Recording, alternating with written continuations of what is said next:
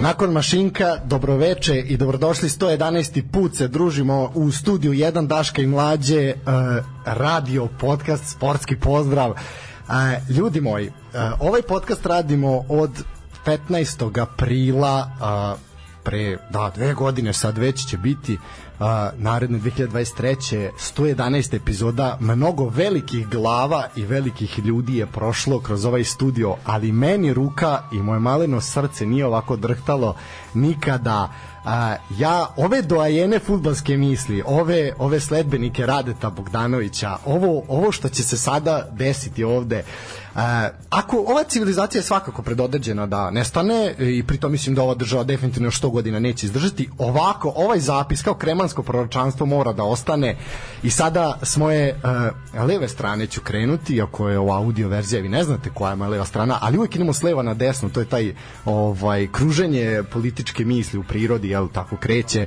Tako da s moje leve strane ja ću ih postepeno uključivati uh, i predstaviti svakako možete učestvovati ovaj putem SMS-a ovaj u ovoj emisiji. Pričat ćemo uglavnom o svetskom prvenstvu ali ćemo pričati i o nekim drugim stvarima aktivnostima a pošto na stolu ima onako podosta tekućine ovaj verovatno će nas priča odvesti u neke neke onako tamne tamne predele naših umova. Uh, SMS 0656 3 jedinice 073 a krenimo redom. Sa moje leve strane uh, čovek uh, čovek doajen, kako su ga nevili, čovek koji 20 godina radi Argentince, iako ima 27 godina života, čovek koji me je oduševio pre svoga svojom harizmom i svojim humorom, čovek koji je rekao da je serija o Dameru zapravo jedan kulinarski specijal, ova, inače druga najgledanija na Netflixu svih vremena od kako postoji streaming servis, sa mnom večeras moje veliki naklon i zadovoljstvo Nikola Borić. Da reče Nikole, dobrodošao. Dobro večer tebi, dobro večer svim gledalcima. Uh, izuzetno mi je drago da sam ovde prvi podcast u životu koji radim, tako da nadam se da neću razočarati pre svega tebe. Jer za gledalce me nije toliko briga, ali za tebe me, za, do, tebe mi je izuzetno stalo, tako da, ono, e, hvala, hvala za poziv, hvala za najavu. Lako, čekaj, to je Serdar Vojvoda, moment će biti malo kasnije, to, na, to stivamo za kraj, da, ne moraš odmah. Kad, kad, kad prođe uplata. Kad prođe uplata, da, da, da, da, da, kad dobijete, onda to na prvoj muzičkoj pauzi. E, odmah do njega čovek iz blokova, čovek sa vrućeg beogradskog asfalta ili kaldrme ili behatona, pošto samo ta, sad tamo ovaj Vesić je preuredio sve. da, da, da, ovaj, čovek uh, srčani i emotivni navijač Partizana, ali vidjet ćemo koliko još dugo će imati živaca za klub iz Humske 1, uh, gospodin Đorđe Guero. Hvala ti, hvala na najavi i hvala na pozivu. Lepa najava, moram priznati. Da, dobro, vidim. Kako se nadu, dobro se udao, a? Da, da, da, iskreno. Dobro, ti si lep čovek, ono, što ne Da, inače ja sam čovek Lepša najava nego što je lep koji je čovek. za ovog gospodina. Prvo pa, uf, brata, ovo baš bilo nisko. E sad, e, idemo dalje. E, pored standardnog, naravno, Nikole, koji je tu prisutan i uvek sa mnom vodi ove bitke ovaj, ponedeljkom uveče, čovek, specijalista za Indijsku Superligu. E, meni je žao što je taj moment, taj performans ostao nesnimljen, jer to bi promenilo pogled na svet i mislim da bi jednostavno svet sutradan bio bolje mesto i svi bi uplaćivali humanitarni SMS da su to videli. Ako ne za bolesnu decu, onda za ovog čoveka. Nikola Delić. Hvala puno na pozivu. Veliko mi je zadovoljstvo da dođemo u jednu ovakvu emisiju. Ono, vrhunac moje dosadašnje karijere. Kabinetskog tipa. Da. U emisiju kabinetskog tipa, ali ima ovaj mnogo više što je rekao gospodin Stanislav tekućine na stolu, tako da... Da, da, sponsor, sponzori su bili veliko odušni, samo ćemo to reći. Da, da, da, I naravno Nikola, moj ovaj saborac i saplemenik, ovaj već duže duže vreme. Pa pazi, znaš kako svoje vremeno se veliki Dejan Anđus zahvalio Maji iz režije što je omogućila da četiri osobe budu u istom studiju sa stolom koji se klima. Ja ću samo da kažem da imamo pet osoba u studiju gde se sto ne klima. Anđus se prevazišli smo u svakom smislu davnih dana. to je to. Ovaj, ne, vidi, ovo je A, znaš kao dosta nas zameraju kao previše ste ozbiljni, a pričate samo o ozbiljni tema, ču pričamo o srpskom futbolu, ozbiljna tema, razumeš? O, a to je izuzetno Ozbiljna propast. Ne, ozbiljno. nego oni ne shvataju ironiju kad pokušaš da budeš ozbiljan u srpskom futbolu, znaš. A da, znaš, ono, lepota je u oko posmatrača, odnosno katarakta je u oko posmatrača. u Ako gledaš srpski futbol. Ako gledaš srpski fudbal, da. Nema Ovaj, lepote u tom oku, brate, ako gledaš srpski futbol. A ne bi verovali, ima, ali Ima, nema, dobro, nema ne, veze. ne, htio sam kažem A, nešto, ne. Tako da, večerašnja emisija je zapravo specijal a, vezan za svetsko prvenstvo, ali naravno sve drugo što nam. Jedna klasična blablavonica gde će pet muškaraca, aj dobro, makar piše u ličnoj karti da je pol muško, ovaj će pokušati da odgonetnu i neke druge Krstarica neke-. E, tako da, da, pregršt loših, loših fazona, ali mi ćemo morati da malo uozbiljimo sad ovo. Ja ću, ovaj, kako to obično biva, kad malo uozbiljimo situaciju, malo spustiti ovu muzikicu našu. E, nažalost, jedina stvar koja je negde, e, da kažem, malo poružnila ovu priču našu današnju i zato ćemo odmah to uraditi na početku, jer e, želimo da posle emisija ode u lepim tonovima, u lepšim tonovima, ali ono što se svakako mora napomenuti da nažalost, nažalost a, jedan od likova koji se tu pojavljivao tokom naše, moje i Nikoline mladosti, a svakako i vaše, ovaj, mi ga ne pamtimo kao igrača, ali ga pamtimo kao trenera, a, jako dobro. A, nažalost je tragično, tragično izgubio život pretho, u jednom od prethodnih dana, a, nije bitno sad nije tačno koji je dan bio, jednostavno nije, nije toliko bitno i onako prosto, ja sam bio lično šokiran i ja sam razmišljao o njemu, tako i o tim nekim vremenima kada je on bio bio prisutan na klupi fudbalskog kluba Partizan. Nažalost, Miodrag, Miodrag Ješić je u tragičnoj, tragičnoj zaista nezgodi ovaj na putu Bački Jarak Ruma, tako nešto. Ne, ne, ne, Da. ob, obi, običan jarak. Običan, ja, da, Senski Ark, izvinjam se. Ovaj, Ruma izgubio život, zaista ono, slike sa te mesta nesreće su bili zaista zaista, zaista jezive, ali a, svi smo bili šokirani i čovek, eto, 65 godina ima Miodrag Ješić, a, bio je futbaler i trener Partizana, a, za Partizan je zabeležio 170 utakmica, postigao 14 golova, od toga je naj negde značajniji onaj protiv QPR-a u onom legendarnom preokretu a, koji su učili momci u Crnobelom u Beogradu. A, može sad tu ja da nabrajam 11 utakmica o kupu evropskih šampiona, o kupu UEFA, sam eto taj jedan jedini gol je postigao, bio je prvak Jugoslavije sa Partizanom u sezoni 82-83, za reprezentaciju velike one Jugoslavije, a ne Jugoslavije, odigrao je 8, 8 utakmica, postigao dva gola, u dva navrata je trenirao Partizan. Šaldovcim lektorima. Da, da, da. Ovaj i bio je bio je trener mnogo mnogo klubova i u Turskoj i svuda, znači čovjek nema gde nije bio. Bio je prvi a, posle ratni trener iz Srbije koji je seo na klupu a, jedna od dva Sarajevska Sarajevska prvoligaša, bio je to FK Sarajevo. A, zaista čovek koji a, svojim osmehom i svojom dobrotom je plenio i čovek koji je onako havajskim košuljama dao, dao jedan zaista ikonski, ikonski, status i ja onako baš sam bio šokiran, ali svakako da a, moj drug, prijatelj i brat će više, više reći o tome. Nikola, izvoli. Pa, pravo ti meni je izuzetno teško ovih dana, nije bio dan da ne mislim na njega. Uh, radi se o jednom od najboljih ljudi koji su prošli kroz Jugoslovensko sportsko društvo Partizan. Jer ako vi vratite stan kada odete iz kluba i kažete treba tu i neka druga deca da dođu, vi morate biti veliki čovek.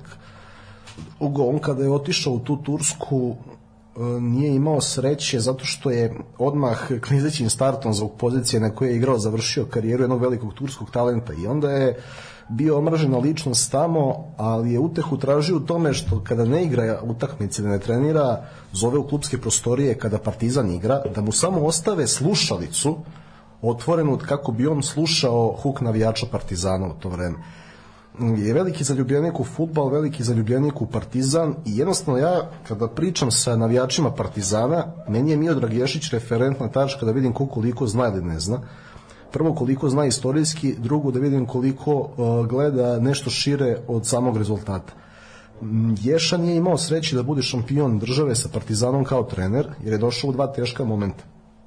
Prvi put je došao nakon bombardovanja gde je Partizan optužen da je nelegalno prisvojio titulu u nezavršenom prvenstvu i sledeće sezone kako god da je Partizan igrao nije mogao da, da bude prvak a drugi put je došao u momentu kada su bila previranja u klubu gde jednostavno niko nije hteo da uzme klupu i Ješa se prihvatio toga. E, Ješa nije bio čovek logistike i decenijama je kao trener na različitim kontinentima radio pošteno i radio, živeo za futbal, a evo ono što je vrlo interesantno, to je neki njegov odnos gde je eto pomenut ćemo taman i blog Crno-Bela nostalgija, najiskreniji blog vezan za futbalski klub Partizan, jedini koji nema nameru da zaradi od tog kluba. E, naime, Aleksandar Pavlović je tada želeo intervju od Miodraga Ješića, ali je dobio mnogo više od toga zbog Ješe kao čoveka koji je iz Libije imao vremena da mu se javlja,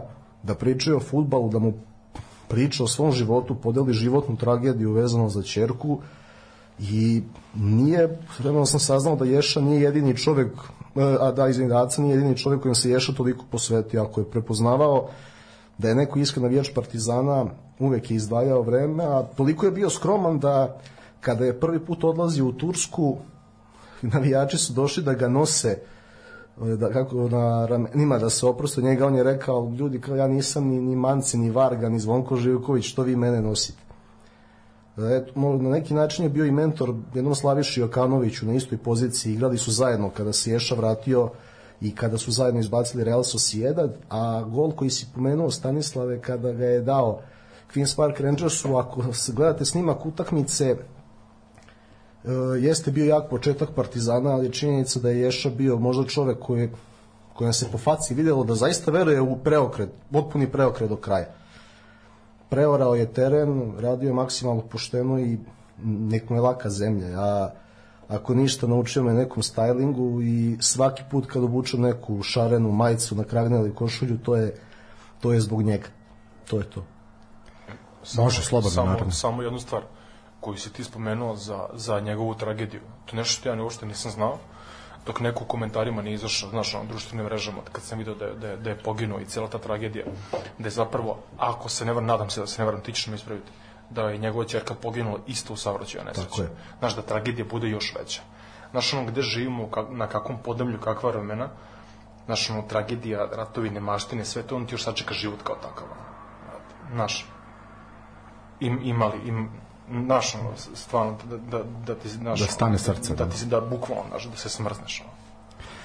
A, da, eto, mislim da I smo... da dodam da je pobedio Liverpool na Anfieldu sa CSKA Sofijom, što zaista ne znam ko još time može da se pohvali. Tako da je bio unikatan u svakom smislu, u nekom svom životnom putu. Ne bih se iznenadio da je o, kolegama iz Novog Sada bio inspiracija za lik Ilije Dukića u serijalu Pravi futbal. Ali čak i da nije, Ješa je zaslužio omaž na sto načina. I opet ću ponoviti, ako neko zamera Miodragu Ješiću kao treneru, što sam, samo zato što nije bio prvak sa Partizanom, taj ne zna ništa ni o futbolu, ni o Partizanu. Toliko od mene.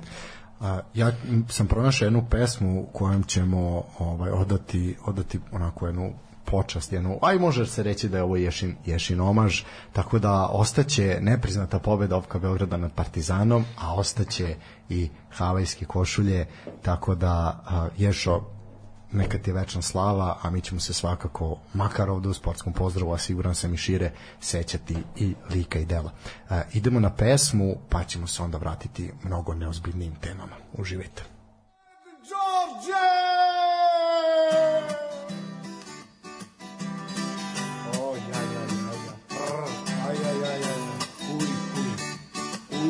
Ako primiš u drugom minutu gol iz prekida, to je Vojvodini 21. gol ove godine da je primili iz prekida, vjerovali ili ne.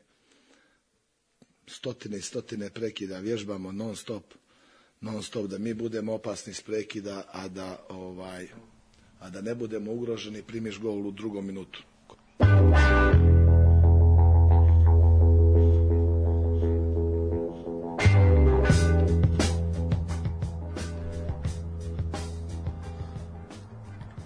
Bio je to, bilo je to prvo poslednja igra Leptira, onda je to bio i ovaj trener Radojičić koji je umalo zaplakao na konferenciji Vojvodine kad je rekao da je to stotine i stotine prekida, ali drugom minutu primite gol na takav način.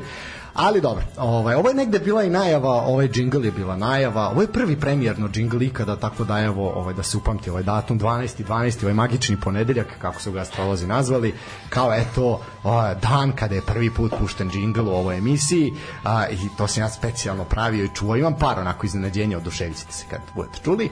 A, Elem, ovo je baš ova, ovaj, ova tuga u glasu ovog trenera Radojičića a, možda najbolje uvodi priču o našoj reprezentaciji na svetskom prvenstvu. Tako da, dragi moji, ajmo sad redom, ovaj, možete se slobodno javljati za reč, ja ću vas po poslovniku ko Maja Gojković prozivati. Ovaj, kažite mi, kakvi su bre vaši utisci o našoj reprezentaciji na svetskom prvenstvu, a onda ćemo ići uopšteno i generalno svemu što se dešava. Ajde sad, Nikol, Nikol i ja smo pričali o tome, a evo sad da čujemo malo i, i vas s polja, tako reći. Šta hoćeš, ja prvi? A, e, jako malo toga pohvalnog, iskreno.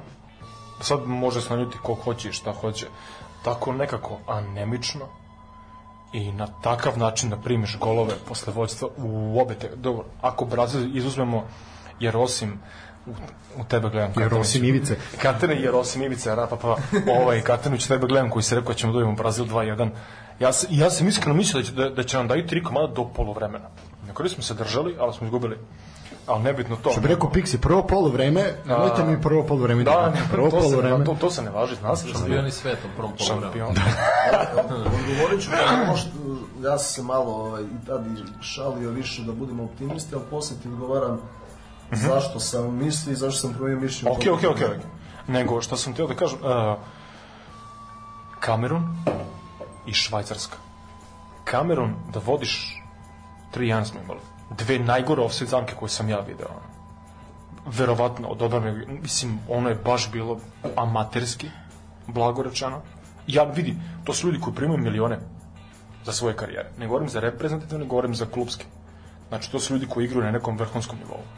Da imaš tak, takva dva kiksa u stvarno jako bitnoj utakmici na svetskom prvenstvu. Meni je to neshvatljivo, na neki način. Druga stvar, ovaj, protiv Švajcarske. Sve ti gori, visi, znaš koliko je bitno, znaš kakav su ti oni rival, od Kakav su nam bre oni rival? Kakav su nam bre stogodišnje rivalstvo nas i Milka čokolade? Aj majme. Pa, pa znači, jeste, ba vidi, mi imamo rakiju. Daj bre, bež bre, kakav rivalitet sa švajcarcima, šta- znači zašto izmišljamo? A šta kao, Lind je bolji od takova?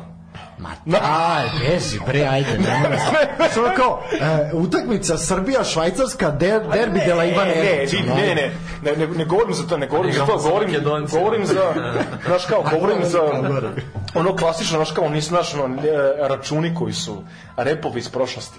Mislim, prošlosti dugo, četiri, četiri godine, godine. ali nema veze. Pa s Ovaj, obzirom koliko ovaj narod brzo zaboravlja, nije to ni tako naš loše, znaš, to, to je, četiri to godine je ozbiljni plus period. vam perfekt. To je ozbiljan. Ovaj za naš narod, ono. Je ono, Bejahu Da, neka. da, da. Znaš, jer, jer, jer, znači, pre četiri godine smo imali Švajcarsku, pre pet godina smo imali dinosauruse. Toliko je daleko. Ali, ovaj, uh, šalu na stranu, u tekmu koju ti stvarno gori, koji moraš da pobediš i da se nadaš povoljnom rezultatu u, u drugoj utakmici. To je Brazil Kamerun. Ti vodiš 2-1 i ti primaš ono dva, prvo taj prvi gol koji sam primili, koji je Šačiri dao, kao na treningu. Dobro, to je bio, Ali- bio odbitak, ono, nesrećan, realno. Znam. nesrećan gol nego što je... Znam, ali mislim da to moglo da se... Ok, ok, neka bude. Ne, sve ok, ne, ne kažemo ništa za njega i za taj gol. No, to, ono, to je to. Ali hoću da kažem sledeća dva, znaš, ako vodiš 2-1 i ne možeš da zatvoriš utakmicu koja ti gori, koja ti je neophodna. Ali kako da zatvorimo? Ja, A ja, vidi, ja- ja, ja- ja, ja- varno, slažem se, ne evo mogu- ja ću, evo ja ću samo malo da se umešam, ovaj, ja kao partizan, Kao sve. Da ja kao veliki partizan, moram kažem da ipak stajem ovaj, malo iza Pixija, jer a, ja iskreno smatram da nije ovo tragedija uopšte srpskog futbala, prvo treba... Veća tragedija ovoga je samo Hamlet. Pa dobro, ne slažem se. Veća, sam ja- da sam ja veća gledao. tragedija je poraz Partizana u Euroligi, ali nema veze. ovaj, kako kome? Ovo što ste čuli, jedno srce koje je puklo. Tako, ko Možete mi- puklo moje tišin- srce, ako tišin, možete da. čuti. Ovaj, e, ja smatram da je Pix uradio mnogo dobrih stvari za reprezentaciju. Mislim da od kad ja gledam reprezentaciju mi igramo najlepši futbal, realno mi igramo napadački futbal. Čovek koji je u toj odlučujućoj utakmici, pa svako ima svoje mišljenje. Ja mislim da Pa, mišljenje realno- koji guzica svakoga ima. upravo tako. Ne, ček, koliko si imao Ovaj, godina kad je Radomir Antić vodio u Srbiju? Pa, A da li je taj futbol bio lepši od ovoga? E, To je dobro pitanje. A, Nije. Nije bio lepši, da, ali da, Radomir Antić je znao da igra na rezultat. Igrali smo ozbiljan futbol. Igrali smo ozbiljan futbol. Ali ne toliko, ja pričam o lepoti, Srbija igra futbol. Igraš napadački. Imaš utakmicu protiv Švajcarske, setimo se 2018. godine. Kako smo, kako smo odigrali tu utakmicu sa njima i u kakvom timu je Srbija tada izašla? Pretežno defanzivno. Okej, evo, ne- ne- znači, mi smo dali gol slučajno, ono Mitrović, Da. da, petom, šestom minutu. Na početku. I ja mislim da je to bilo sve od naše reprezentacije. I onaj penal, onaj. I naravno da ćemo ga primiti u 90. u Šaćirija. Isto recimo jedna dubinska, mislim, kroz sredinu lopta gde je Šaćiri izašao jedan na jedan i dao gol. Dešava se.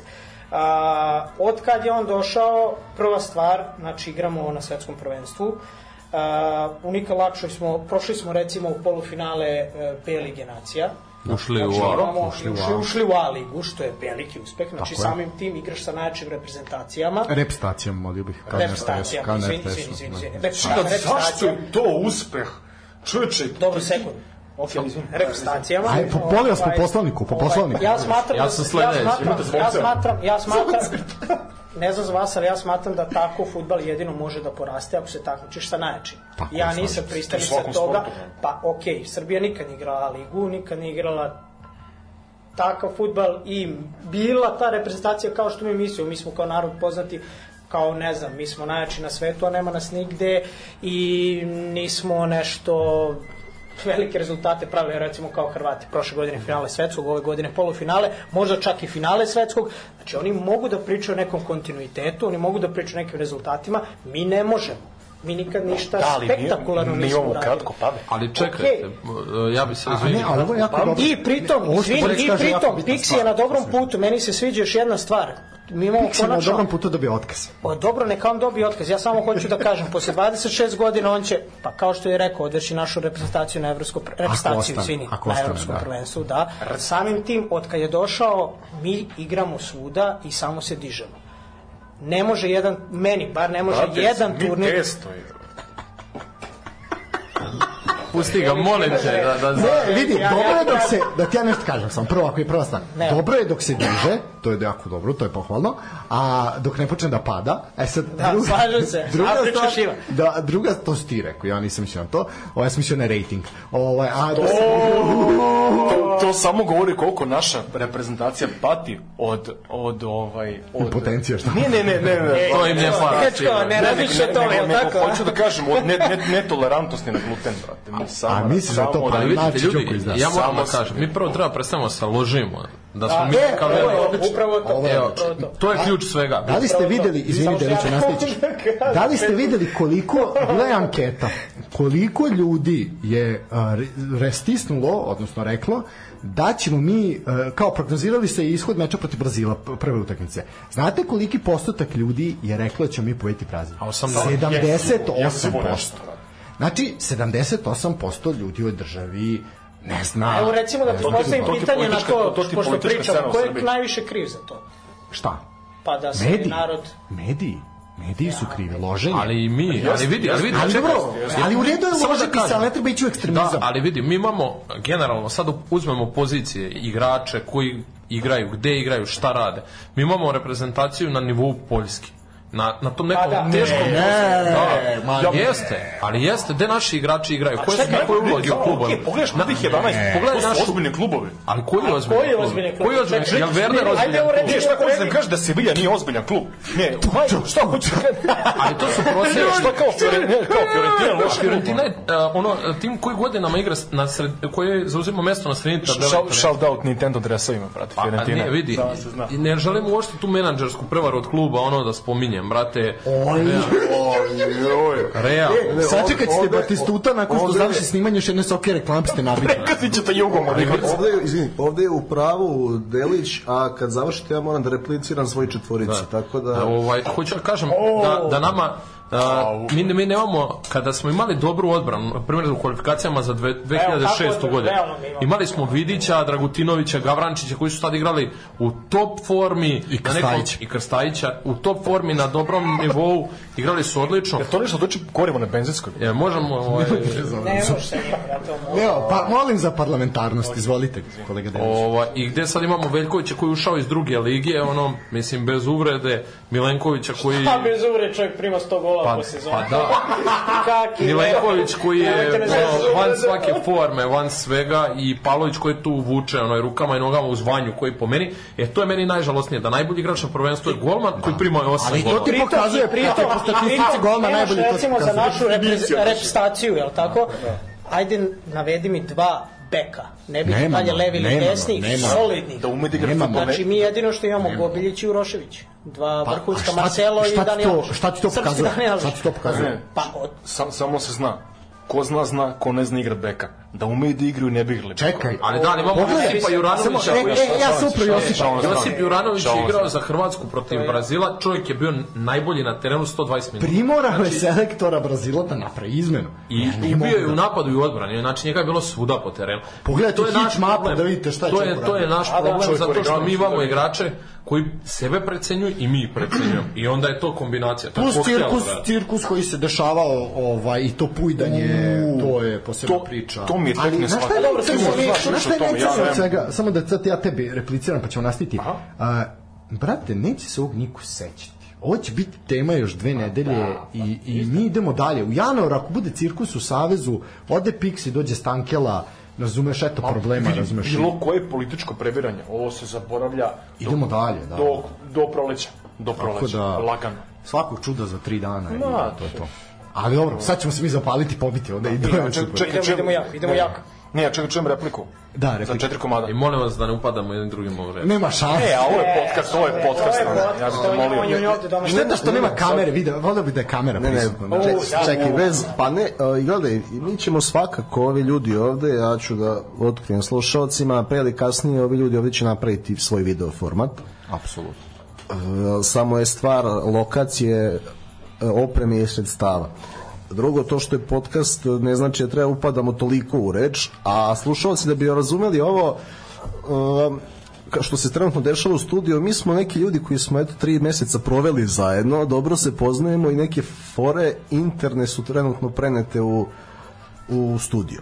E, sad, tako da ako slušalcima nije jasno, možda će sad Sve je biti jasno, jasno. ne, e, sve je sve, sad, sad mora, e sad, ajmo replicirati. Bili smo- bili smo zajedno u vojsci, reci. Tako je, tamo. Da, vojni rok novi je od tri meseca, preporučujem se da se prijave. Bojim se da će nas Vučić ponovo strpati vojni rok još jedan od tri meseca, tako da... A, da, kači bi- sve, kači E, nas. Ja, ja imam ravne tabane, ne mogu.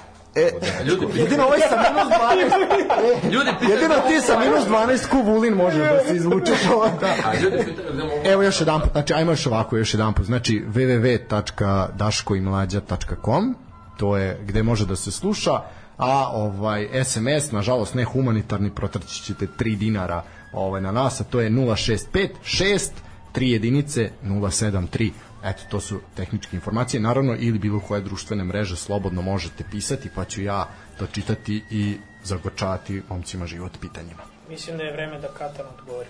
Da, naravno. Izvinimo. ja sam slep pustio sad, što ste pričali, pričali ste. Da, sad je borba u deset. ponovo.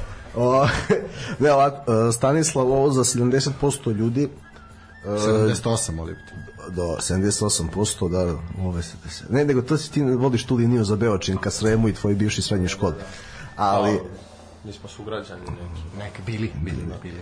E, gledaj sad, e, to samo pokazuje e, da je Srbija igrala dobar futbal, legitiman futbal, pobeđivala ozbiljne timove u gostima i pokazala zajedništvo. Ta vera, ta, e, to odmah repliciram i Deliću, iako se slaže s njim u drugom delu za Fiorentinu, ovaj prvi deo ne ložite se. Ne, ja bih svako, od 32 zemlje koje kad god odu na svetsko prvenstvo, zamerio građanima te zemlje da se ne lože za svetsko Nije, nije prvenstvo. problem loženje, nije problem loženje, problem je kad se ode u ekstremizam. Ne, ali to je, gledaj, ja e, znam ovaj, o čemu pričate, ali to je najnor, najprirodnija stvar. Jer ako negde možemo da se ložimo još u životu, to je sport, pored svega. Ok, u redu je loženje, ne shvatite mene, sportsko loženje u redu, ali e, sportsko loženje koje se pretvara u nacionalizam nije dobro. E, to je problem Nije to nacionalizam, nego ti svuda vidiš nacionalizam. Ovde se radi o tome da je Dragan Stojković e, igrom i rezultatom doneo neki optimizam. Tako je. Tako E sad, to, to je i onda kad se to... Malo si samo odmaknio od mikrofona. Eto. A, dobro, pa ne znam šta si podesio, ti, ti imaš Ne, ne. samo problema sa reglerima. Ovaj. Po, podesio je za Delića, ti Podešao baš sam za Delića, da, tako da ne morate biti ovo. Eto to. E, ajde, Iako se vidim da prihvatio si svoju muškost, prišao si velikom crnom mikrofonu, ali... ali slobodno. E, može ali iz po- ove- Podsjećate me, brate, na ove, na, na ove klape, znaš, ono, četiri momka koji pevaju na jedan mikrofon o, o devojci koji, ono, koji A bukvalno oni pevaju posle jedan drugom na mikrofonu. Ja sam gledao da devojke nema. Dvojica da izađu. Gledaj, ja sam Bosanac Delić, nije, ne živi daleko od Bosne, tako da to ti ono za, Ja. za evanje, znaš, ono, prvi, znaš, onaj prvi i drugi klavišni glas, onaj koji se ponavlja. Ali, hoću da kažem, tako da loženje za svetsko prvenstvo u bilo koji naciji je za mene uvek opravdano. Ja nemam problem sa tim. Uh, e sad, Borić, uh, zašto sam verovao? Pa verovao sam dok Dragan Stojković nije odustao od sobstvenih postulata. Jer kada smo počeli prvi ciklus kvalifikacija u martu 2021. on nije imao problem da prvu utakmicu počne bez Mitrovića i Tadića, zato što mu trebaju za drugom i sam je naglašavao da se igraju tri utakmicu u sedam dana, da je njemu bitno zdravlje, da ima ko može da igra i to je bilo veoma hrabro i donelo rezultat tada. Kao što je donelo kad se igralo su se četiri utakmice u 10 dana u Ligi Nacija letos, gde on pustio 25 futbolera da igraju i mislio samo na zdravlje. A ovde sa, i onda ti, sad ne meni pričaš, šefe, ja mogu, ma nema šta on tebi da kaže da Naravno, možeš, bre, ima medicinski koji tim. će reći može. E sad ja, a kad je on postavljen, ja sam onako bio optimista zbog njegove igračke veličine da može drži slačionicu, ali prvi moj komentar je bio da je stručni štab mnogo ortački. I to se nije videlo sve do samog turnira. Znači, ja mislim da tamo njemu niko ne sme da protivreči. Trenutno. Ja, ja ne vidim kako Ljubinko Drulović Piksiju nešto protivreči.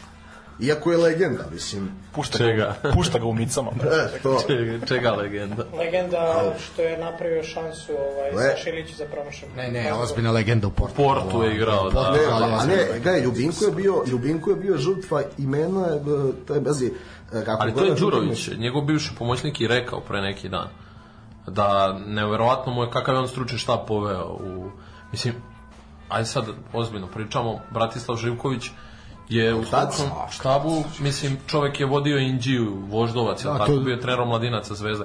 Ne sporim, on je bio ozbiljan igrač. Napredak iz Kruševca. Ali, mislim, št- šta je kvalifikovalo njega, to je to što pričamo, da su to kao neke A dobro, okej, vidi, on je izabrao ljude po svom nahođenju i to je sad... Ono, i legitimno i treba. Legitimno. ali šta. mislim da mu se desilo? Zato što kad se završila era bivše Jugoslavije, u ovoj Santračevoj eri, dok je još Pix igrao, i eri Vojvodina Boško, reprezentacija i tada, pa i kasnije, stalno bila optužena da igra previše defanzivno. I meni od starta deluje da on hoće da bude taj kojem niko ne može da kaže da je sisa i da se uplašio. I to je od prvog Da, ciklusa jeste. tako, znaš, jer on, on je u fazonu ovaj, kad je bilo prva, prva utakmica s Portugalom, kad se gubilo 0-2, on može da kaže da je hteo da je pobedi kući iz dva napadača. Pazi, ali posle je, šta je bilo dobro kod njega? Što je korigovo sam sebe, izveo jednog napadača, uveo veznu, našao balans, dao dva gola i sačuvao tu utakmicu. I što je, e, Pixi čak i kad je u kvalifikacijama grešio prvu postavu, jako se dobro korigovao izmenom. A sada na prvenstvu on uopšte nije grešio s planom A, nego s planom B. I znači desilo se desilo se sve suprotno od onoga što se dešavalo u kvalifikacijama. I onda naravno da prestaneš da veruješ kad vidiš da neko odustaje od sobstvenih postulata. To je logično. Ti, Mislim, pazi, jel- nije Brazil ni, H- mi smo ko i Švajcarska i Hrvatska igrali 0-0 55 minuta. Ali Švajcarska i Hrvatska su napravili korektne izmene. Da, ali pazi, ti imaš i taj deo ono što sam rekao za Pixija, da mu ja pružam podršku. Pogledaj Švajcarce godinama, znači oni imaju svoj sistem, pogledaj Hrvate godinama. Pogledaj njihove timove, njihove lidere, ti u Hrvatskoj u jednom vezom redu imaš Modrića, Brozovića i Kovačića koji su i prošlo svetsko prvenstvo činili taj vezni red. Ta za ne. I ono evropsko vezni i sve. I naši igrači, znači ti imaš jedino Mitrovića koji sazreo, ok, Mitrović i dao gol švajcarcima, lep gol, Mitrović i Tegi Ali oružja. ti kad pogledaš, da ali evo ti recimo i kreneš i od dobro. To se jako videlo Ti imaš, čekaj, evo ti. Hrvati, znači imaš mladog Guardiola koji će biti, jel te, sjajan štoper, ali pored njega imaš Dejana Lovrena koji je iskusan igrač. Imaš bekove koji su, on, Hrvatska ima bekove za razliku od nas, jer ti nemaš koga da povedeš za beka. Jedino kažem ti, Gobeljić. Ako Nemaju spali- igrači, imaju bekove. Pa okej, ali mi uz Holandjane se, smo jedina reprezentacija na svetskom prvenstvu koja je igrala sa 3-5 To je sa tim wingbackovima u sa stvari. wing backovima. Andrija Da, Živković u Partizanu bio ali- krilo ljudi. A nije okej. Jeste, ali, ali Jeste, da, ali okej, nije ti sporno. nemaš, ti, evo, izvinjam se, ali koliko je bilo recimo komentara Živković, e, pošto je Levonog, zašto igra po desnoj strani? Evo recimo njegova prva zamena je Radonjić. Ajde sad ljudi realno da pričamo. Šta kao Radonjić može da, da igra na toliko vrhunskom nivou, krilu i e, defanziv, pogotovo defanzivno, na tako visokom nivou. Ofanzivno, ajde možemo da kažemo da i može da doprinosi. Radonjić Brz menja u stvari tok utakmice kada Tako uđe. je, On je tako je, on je taj neki možda može- faktor. Protiv Portugala je to pokazao u Jeste, ali onda se suprotstaviš sa protiv te švajcarske gde evo ono što smo pričali, Pixi izašao je sa ultraofanzivnom postavom. Znači, nema straha. Po meni, plus, bar, ja sam bio, plus. ja iskreno, ja sam bio srećan kad sam vidio da igraju Tadić, Mitrović i Vlahović. E, ja, ja nisam. Evo, ja ću reći I ja zašto. Za- zato što, e, ne, to je, e, to je on previše hteo. Gle, imaš problem i ja sam se nadao da veliko ime poput Pixija može to da reši. Aleksandru Mitroviću svaka čast, ali on kad ne da gol, nema funkciju na terenu. A On je Dušan treba da bude zamenjen nakon što je dao gol. I, pa ne, on, je- on je trebao da uđe... A dobro, ali vidi, izvini, trebao da izvini, izvini, Katan, ali čekaj, mi smo primili gol u 46. 45. 46. Znači nije ni poluvreme bilo. Šta ćeš Mitrovića da izvedeš u 38 minuta? Ne u trijan, ali treba je biti po meni, ja bih ga izmenio, on je... A kad ćeš da ga izmeniš? Evo, evo pričamo sad. Poluvremenu bih ga izmenio. Na poluvremenu? Lagano, lagano. 2-2 imaš, ti moraš da pobediš. Ko će ti igra umesto? Luka Jović nek igra. Čovjek nije odigrao minuta, evo. E, gled, e, gledaj, S gledaj. razlogom. A, Pa. Mitroviću svaka čast, ali se pojavio neko bla, mlađi, bolji i tehnički obučeniji. Neko ko ima funkciju na terenu i kad nije dao gol. I treba da bude prvi špic reprezentacije i još tri svetska prvenstva. I nema pot, znači Mitrović na umornu odbranu sa svojim skokom na drugoj stativi može da uništi svakog. Nema potrebe da igra više 90 minuta i to treba da mu se objasni zato što mu je prijem lopte malo bolji od mog. Treba da igra Dušan Vlahović, a drugo, Dušan Tadić ima smisao samo kad se igra prilagođava njemu. Onda žrtvujemo Sergeja, koji je najbolji vezni A svaki fudbaler ove put je bio reprezentacije. Pa da. I on, ne, Sergej želi da se žrtvuje, njemu svaka čast na tome, njemu i njegovom po, bratu posebno, nema šta se zameri ovaj turnir, pritom je Sergej igrao povređen.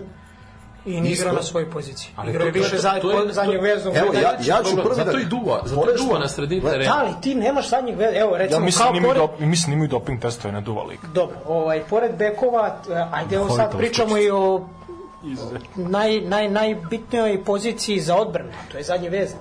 A što je falio Nemanja Matić? mi ovo Nemanja. Budelja, bre. Nemanja nije. Matić nije falio, Nemanja Matić ste imali na RTS-u ovaj- više nego prisutnog. Da, da, da, da. Koji, koji, znaš da ima, on, on ima Svaki doppelgangera, se zove brate, Nemanja ovaj- Matić znaš, je suvišan RTS na ovoj i ovaj, planeti. Nemanja Matić. Ovaj, Ne, ja sam stvarno ubeđen. da školskog otišao kluba Rome ima svog doppelgangera Pa na ne bi RTS. zato što nikad nije ni doprinio u reprezentaciji i zato što može da igra ne- samo u reaktivnom stilu igre. On kod Pixija na vetrometini bi bio najgori. Ali to onda do Pixija i do njegovog A stila. ne, nego ti gledaj, Nemanja Matić je prvo sabotirao ciklus kvalifikacija Siniše Mihajlovića. A ne, ne, ne, pa je onda, o tome, ne pa je onda zvao predsednika da pravi nacionalni stadion, pa onda stalno se nešto podboči, pa da neku izjavu da se pogledamo u oči, onako krakat, pa onda Ra- Radomir Antić to bože nije video kako on trči, pa ne znam, stalno nešto smeta tom Nemanji Matiću, i ovaj ne tre, mi smo napravili rezultat da pobedimo Portugal baš zato što više nema Matića, Kolarova, Ivanovića, Stojkovića i Ljajića. Kad je tih pet baksuza otišlo u reprezentaciju, ja sam počeo da verujem. Hoćeš da kažeš nema, nema bekova, brate.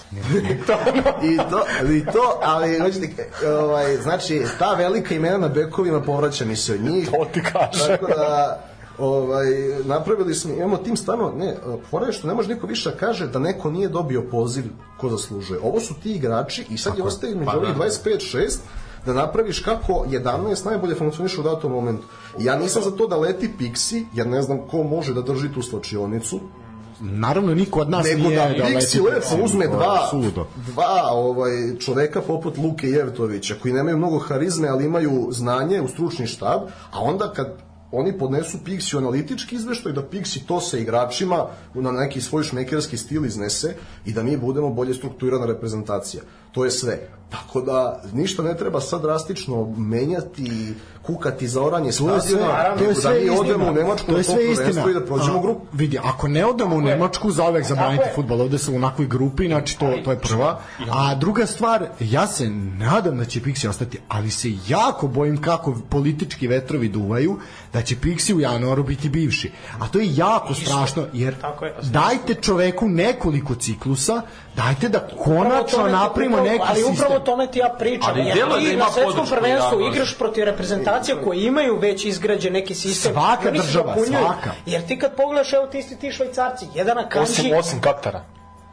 A dobro, to je sad, to je. Oni imaju stadion, nemaju sistem.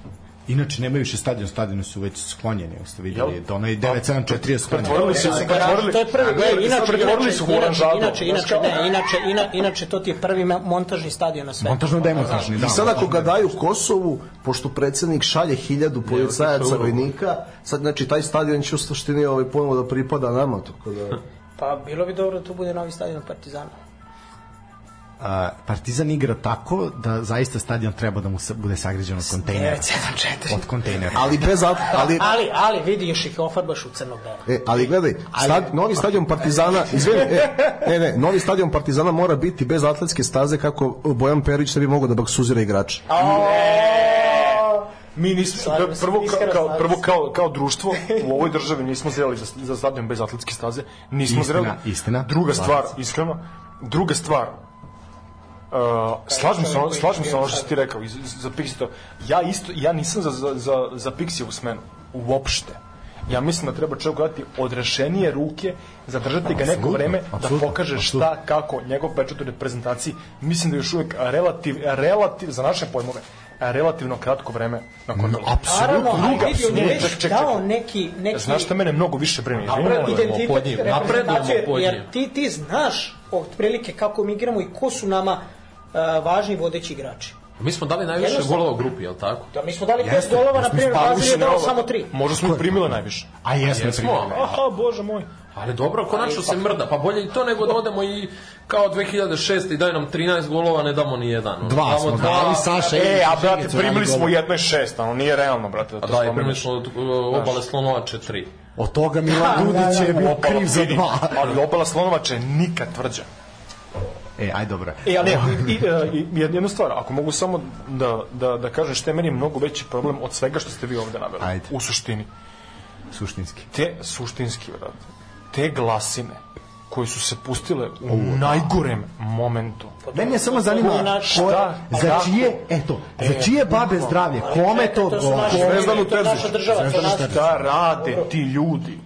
Znaš, ono, imaš priliku posle koliko vremena odemo na svetsko. I sve okej. I reprezentacija u, kvalifika... Ne u kvalifikacijama. A ne, Ok, da, ali odeš da je hoću euforija, kažem. odeš da je euforija. Da, konta, da, ali upravo si. I a, hoću da kažem da je euforija veća nego za prošlo svetsko. Mhm. Igraju bolje, igraju lepše i sve se slažem. Sve to stoji. Imaš neke... Ali- a evo, Znaš, ono, postoji razlog moram za da ne loženje. mi smo bolje igrali prošlo svetsko. To, što je najgore sa slabijim timom. Uh, hot I- take. Pa jeste, zato što Pa ja e, Mladen Krstajić je isto čovek koji je na neki način doživeo nepravdu i preveliku Ja kritiku. Šta je, sipo je bezolovni Ja se u uopšte ne- dizel nam... nam, Ne, nam. ne, pazi, prvo on je, prvo, ta Kostarika je mogla od nas da primi četiri gola, nije imala nijednu šansu. Odigrana je jedna vrlo stabilna utakmica koja je završila samo 1-0, a drugo protiv te švajcarske si imao 1-1 i njemu je zamereno što je napao, a morao je da napadne zato što je švajcarska odigrala 1-1 s Brazilom. E, tako da on nije tu kriv, on je kriv možda u tome koga je zamenio i onda mu je Luka Milivojević napravio haos u slačionici i posle on to nije iskontrolisao, pa može tu da bude kriv.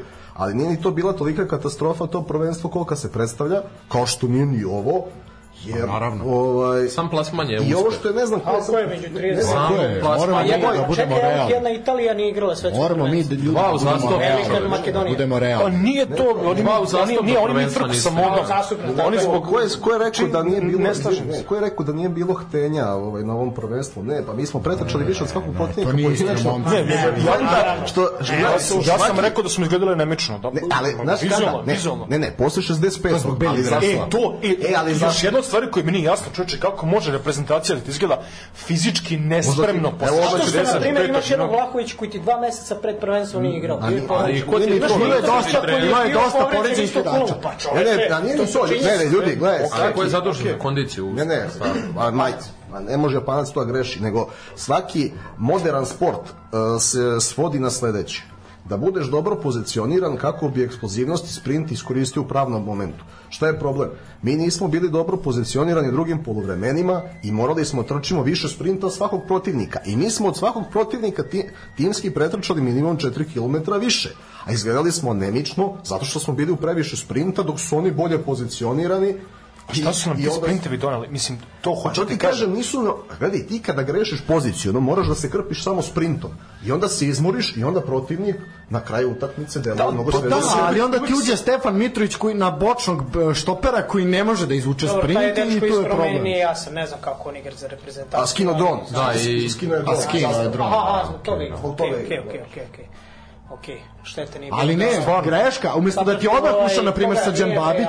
Jes Albanija. Da, Jes, Albanija. Je drone. Da. Jeste, Ali sad ali sam za čekaj, šima, brate, vazdušnom puškom, ne no, brate, čime? rukom. Ali- A rukom je skočio skinu zastavu. Vidi, Srđan Babić je u ove godine možda boljoj formi nego ovi Srđan igrači. Srđan Babić je u boljoj formi i bolje igra od sigurno sem Strahinje Pavlovića od svih igrača u zadnjoj liniji to ti Srđan pričam, Babić igra umesto bolje ove Stefana sezone. Mitrovića trebao je da uđe Srđan Čak Babić. i umesto Milenkovića. I onda je tu napravljena kompenzacija, to smo mi pričali u pre, pre dve emisije. Znači tu si napravio, tu napravio grešku po meni i Pixi jeste grešio. Da, jeste da, da, Pixi stvarno. grešio, ali okej, i on je sam čovjek rekao, ja sam nešto naučio. I okej, da, i to je pošteno. To. Nešto si naučio, aj sad ispravi te greške. Tako je. Znači ako se greške budu ponavljale, onda jebi ga je problem. Da, da. Ali ako sad imamo, okej, nešto sam naučio, shvatio sam pogrešio, aj brate, onda Ali sad. čekaj, evo, evo, kao i Katana što je rekao, znači njegova je realno sad gledano od kada je došao da vodi reprezentaciju, njegov jedini kiks je bio svetsko prvenstvo. Jeste da je to Istina. svetsko prvenstvo, ali od kada je došao, čekaj, mi pričamo, dobio si ovog, dobio si onog, dobro. uspeh ovde, uspeh ovde, otišao si na svetsko prvenstvo, izbacio si jedan Portugal u sred Lisabona. Je, e, to je velika pobeda. Znam, ali svetsko prvenstvo mora da bude zenit tvoj Ali form. čekaj čoveče, pa možda Mi- nije ovo Zenit. Ali I nije mo- Ali Zenit je evropsko prvenstvo ljudi za dve primjer. godine je Zenit zato što naši igrači koji su izneli onaj Novi Zeland i onu Litvaniju će u tom momentu imati 28, 9, 30 Biće, da, u Oni će biti tad u najboljoj formi, u najboljim godinama, igraće potencijalno u najboljim klubovima do sašim delu svoje karijere. I taj u isti 30. ne može se pričali, stepenice, te ne bole kolena. brate. Jeste, jako je neozbiljan, Ne, dečko, šans.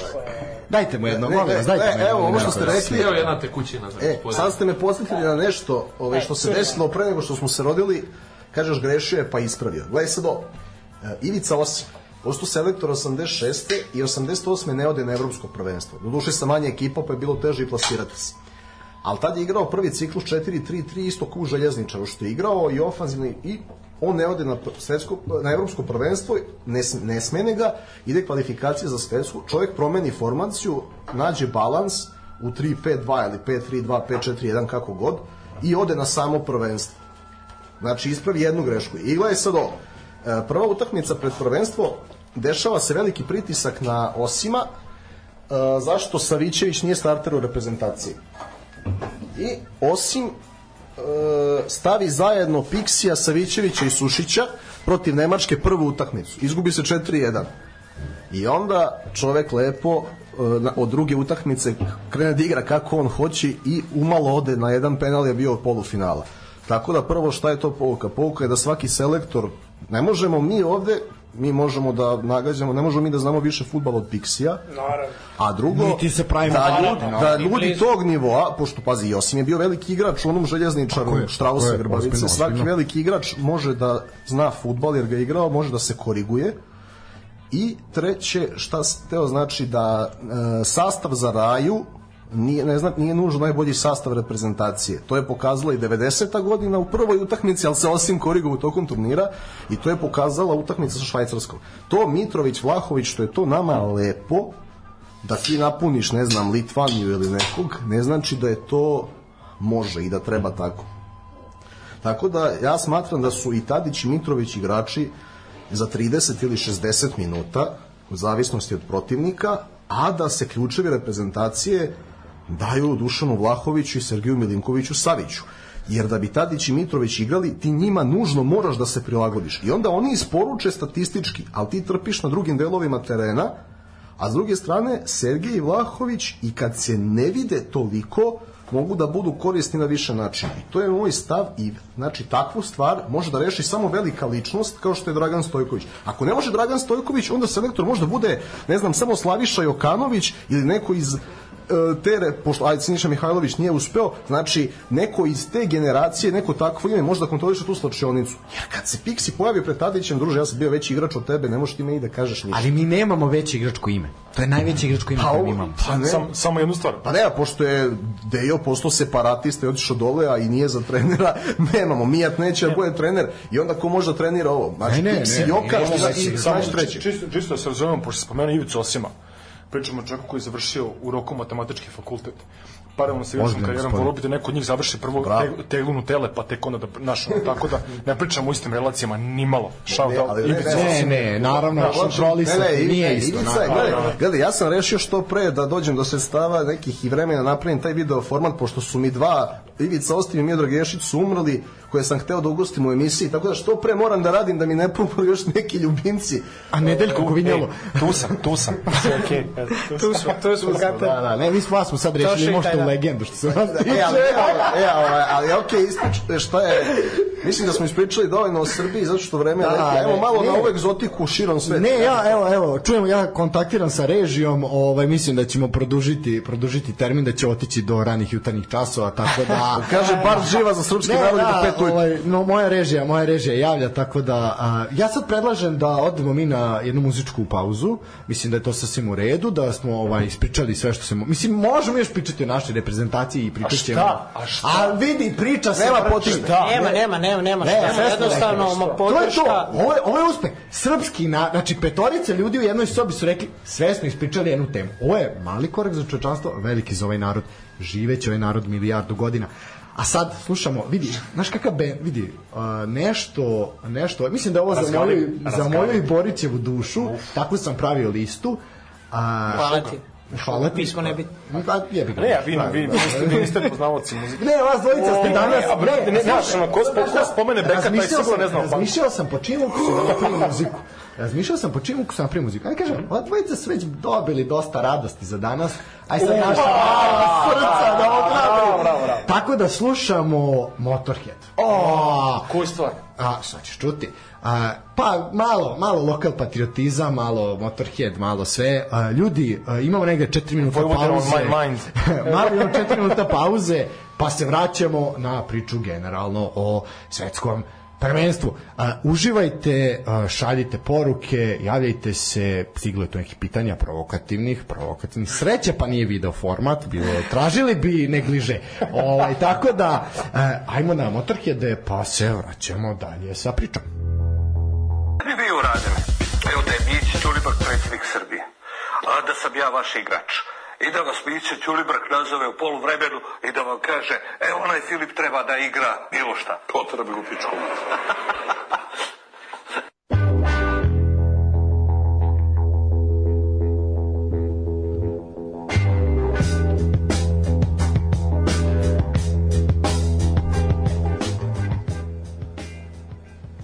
E, nakon Motor Džedova se vraćamo nazad na priču o svetskom kupu ili ti svetskom prvenstvu.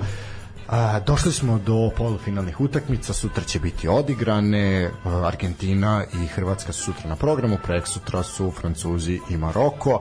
A, eto, nakon što smo završili priču o našoj reprezentaciji, kakva god to ona bila, ali je završena, ajmo mi se okrenuti onome ko je došao do same završnice. Uh, Elen, postavit ću vam jedno pitanje. Uh, koja liga ima uh, jedina tri igrača u uh, polufinalima, a da su oni igraju u top 3 kluba iz te, iz te lige? Znam ja jer smo pričali. Gdje smo pričali danas Ali ajde, neću ja da kažem. Ajde, reci. HNL, HNL, brate. Jer imaš Hrvatska igrače ima iz... igrače iz Dinama, Hajduka i i Hajduka. Osijeka. Tako je. Tako da, to govori o završnici ovog svetskog prvenstva, neka ostane to zabeleženo. A, momci, a, ajmo prvo, šta vi očekujete od ovoga sutra i prekstra, pa ćemo se onda vratiti malo na početak i kako ste uopšte proživeli ovo svetsko prvenstvo. Ovaj mundijal, ova čudna zimska vremena. Da budemo ravno, ajde sad da malo kreneš s ove strane da mi ne zapostaviš delić. Može, može, Delić, da, slobodno. Malo s desne. Ovaj, pa moje lično mišljenje Sve smo u desku. samo da Hrvatska ne osvoji. Kogod drugi da osvoji nije problem. Ovaj. Ali, Žao mi je što nije video podcast, ja ću sad obući dres Hajduka iz Splita, tako da sam... da, to je, to je Hajduk je. Split, srpski klub iz Split je po londonskom paktu. tako da, sve okej. Vidi, A, oči, oči generalno- cijele Jugoslavije su uprte u tebe. A, bukvalno, iza. Generalno, vid- Hrvati igraju stvarno dobar futbal, ali ovaj, ne bi mogli da živimo od njih, da dođu negdje. Ma kak, ne, bi to bila senzacija kod prava. najviše, naj, najveći broj Hrvata živi u Srbiji, pa ma ne mogu. Da, ima, šta ti je? Brate, a, navijam iskreno da... Za, za, zamisli kako bi njima bilo da smo mi ušli u polufinal. Pa, Ne, ne, zanima me kako bi njima Moralo bilo, bi, pa maj, mi Ne, Pitanje ko bi bio gori, pitanje ko bi bio gori. ja, ja, ja, ja mislim, šal- mi- E, ako ćemo da E, možemo koliko ljudi, izvini, samo koliko ljudi živi u Srbiji, onda veći problem imamo s Marokom na severu Srbije nego s Hrvatskom. Ne, A, da, okej, E, ovo su šalu na stranu, ovaj, htio sam, da kažem, Hrvati igraju stvarno dobar futbol i mislim da mogu do kraja, da mogu da osvoje, stvarno mislim da mogu da osvoje.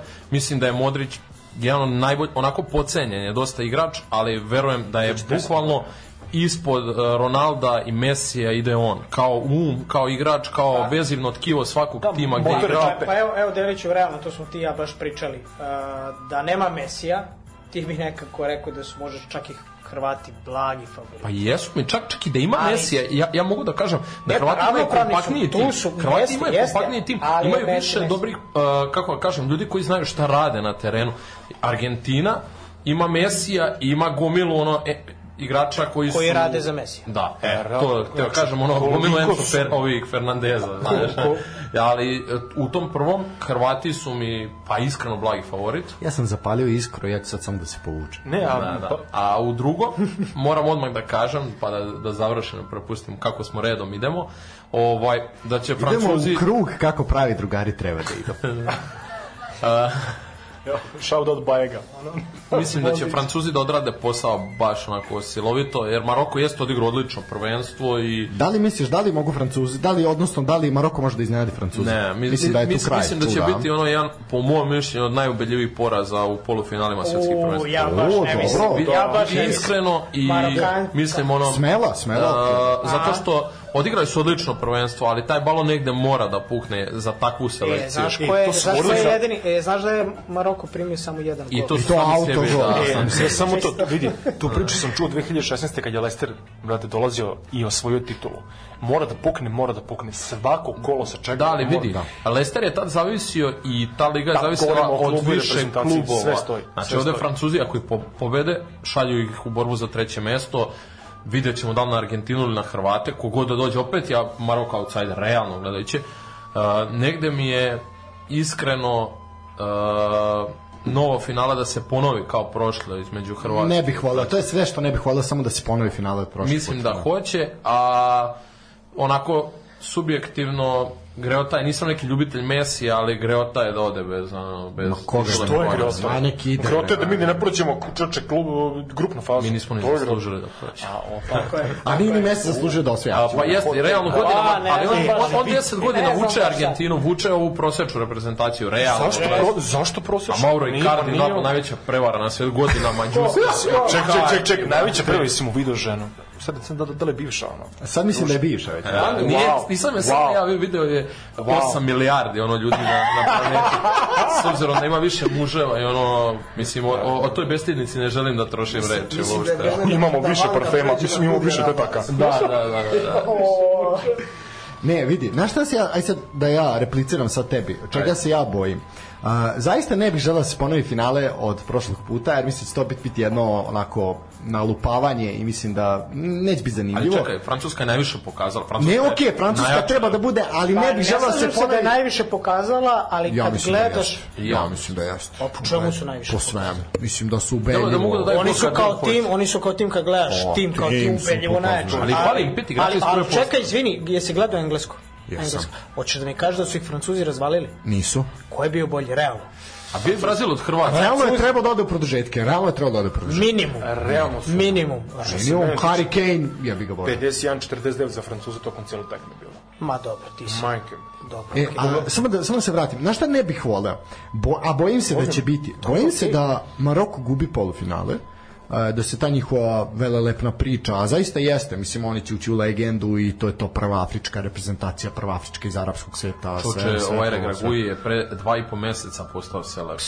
To je posebna Krstaja, priča. ono to je posebna brate. priča, ali ajde. On isto, i on, on Još isto na pumpi radi. reprezentacija koju je napravio Vahid Halilhodžić. Tako, e, doći ću i do toga. Ali ne bi oni uradili. E, samo, samo, samo, molim, molim za parlamentarnost, molim ja kao Maja Gojković, zanosim i naočare. Ovaj, e, šta, je, šta se dešava? Bojim se da gube polufinale, Bojim se da gube utakmicu i za treće mesto. Da. Znači, vraćaju se bez odličja, oni će biti apsolutni heroji, to ne spori niko, ali bojim se da će ih istorija realno zaboraviti, jer nisu uzeli medalju. E to je ono što je, čega se ja plašim i bojim se da to ono, sem nas zagriženika, koji ćemo se sećati negde u nekim knjigama, A to ti A, je Monte a, video, čekaj, to ti je čekaj. Monte video nama, što mi, mi sami sebi spevavamo od, od Jeste, 1900. samo Oni će ispevavati, ali Da, ostatak ali sveta niko neće. Čekaj. Stanislav, A. čekaj, a čekaj, a zar ljudi ne pričaju dan danas o Gani? I ja sam uviđao.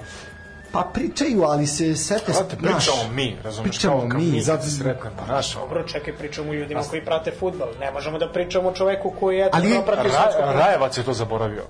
A nije, ali ajde, nije, ali ajde. Ne, Ne, koliko popije na Zlatiboru možda i zaboravio, ali... Daj. a veruj mi, komplet lepinja vraća iz mrtvih. Ovaj, tako da, tu bi, to je nešto, nešto čega onako, što, što bi mi bilo zaista žao da se desi, a negde se pribojavam da će se desiti.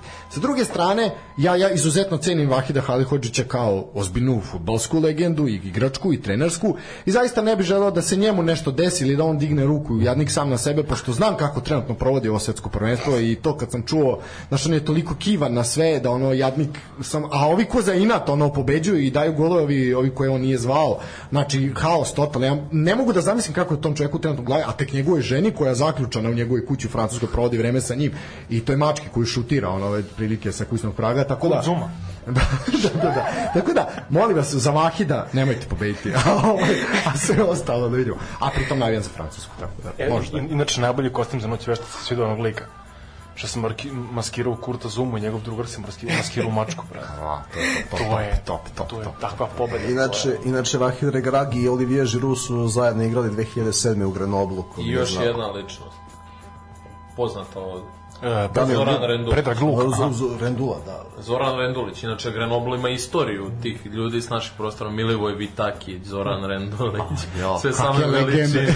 kakve legende. Gde, gde je tu Predrag Luka, jedna te pita? u Požarevcu, u gradu. Sa velikim uspehom, Srpska liga. ga Saliven u poznava. bronzi. A, bo- bo- a, Nadam se da ćemo u ovoj emisiji ga pričati o srpskim ligama. Da, jednom. inače, hoće, inače, da, br- da, bron- da. nadimak bronzani Messi.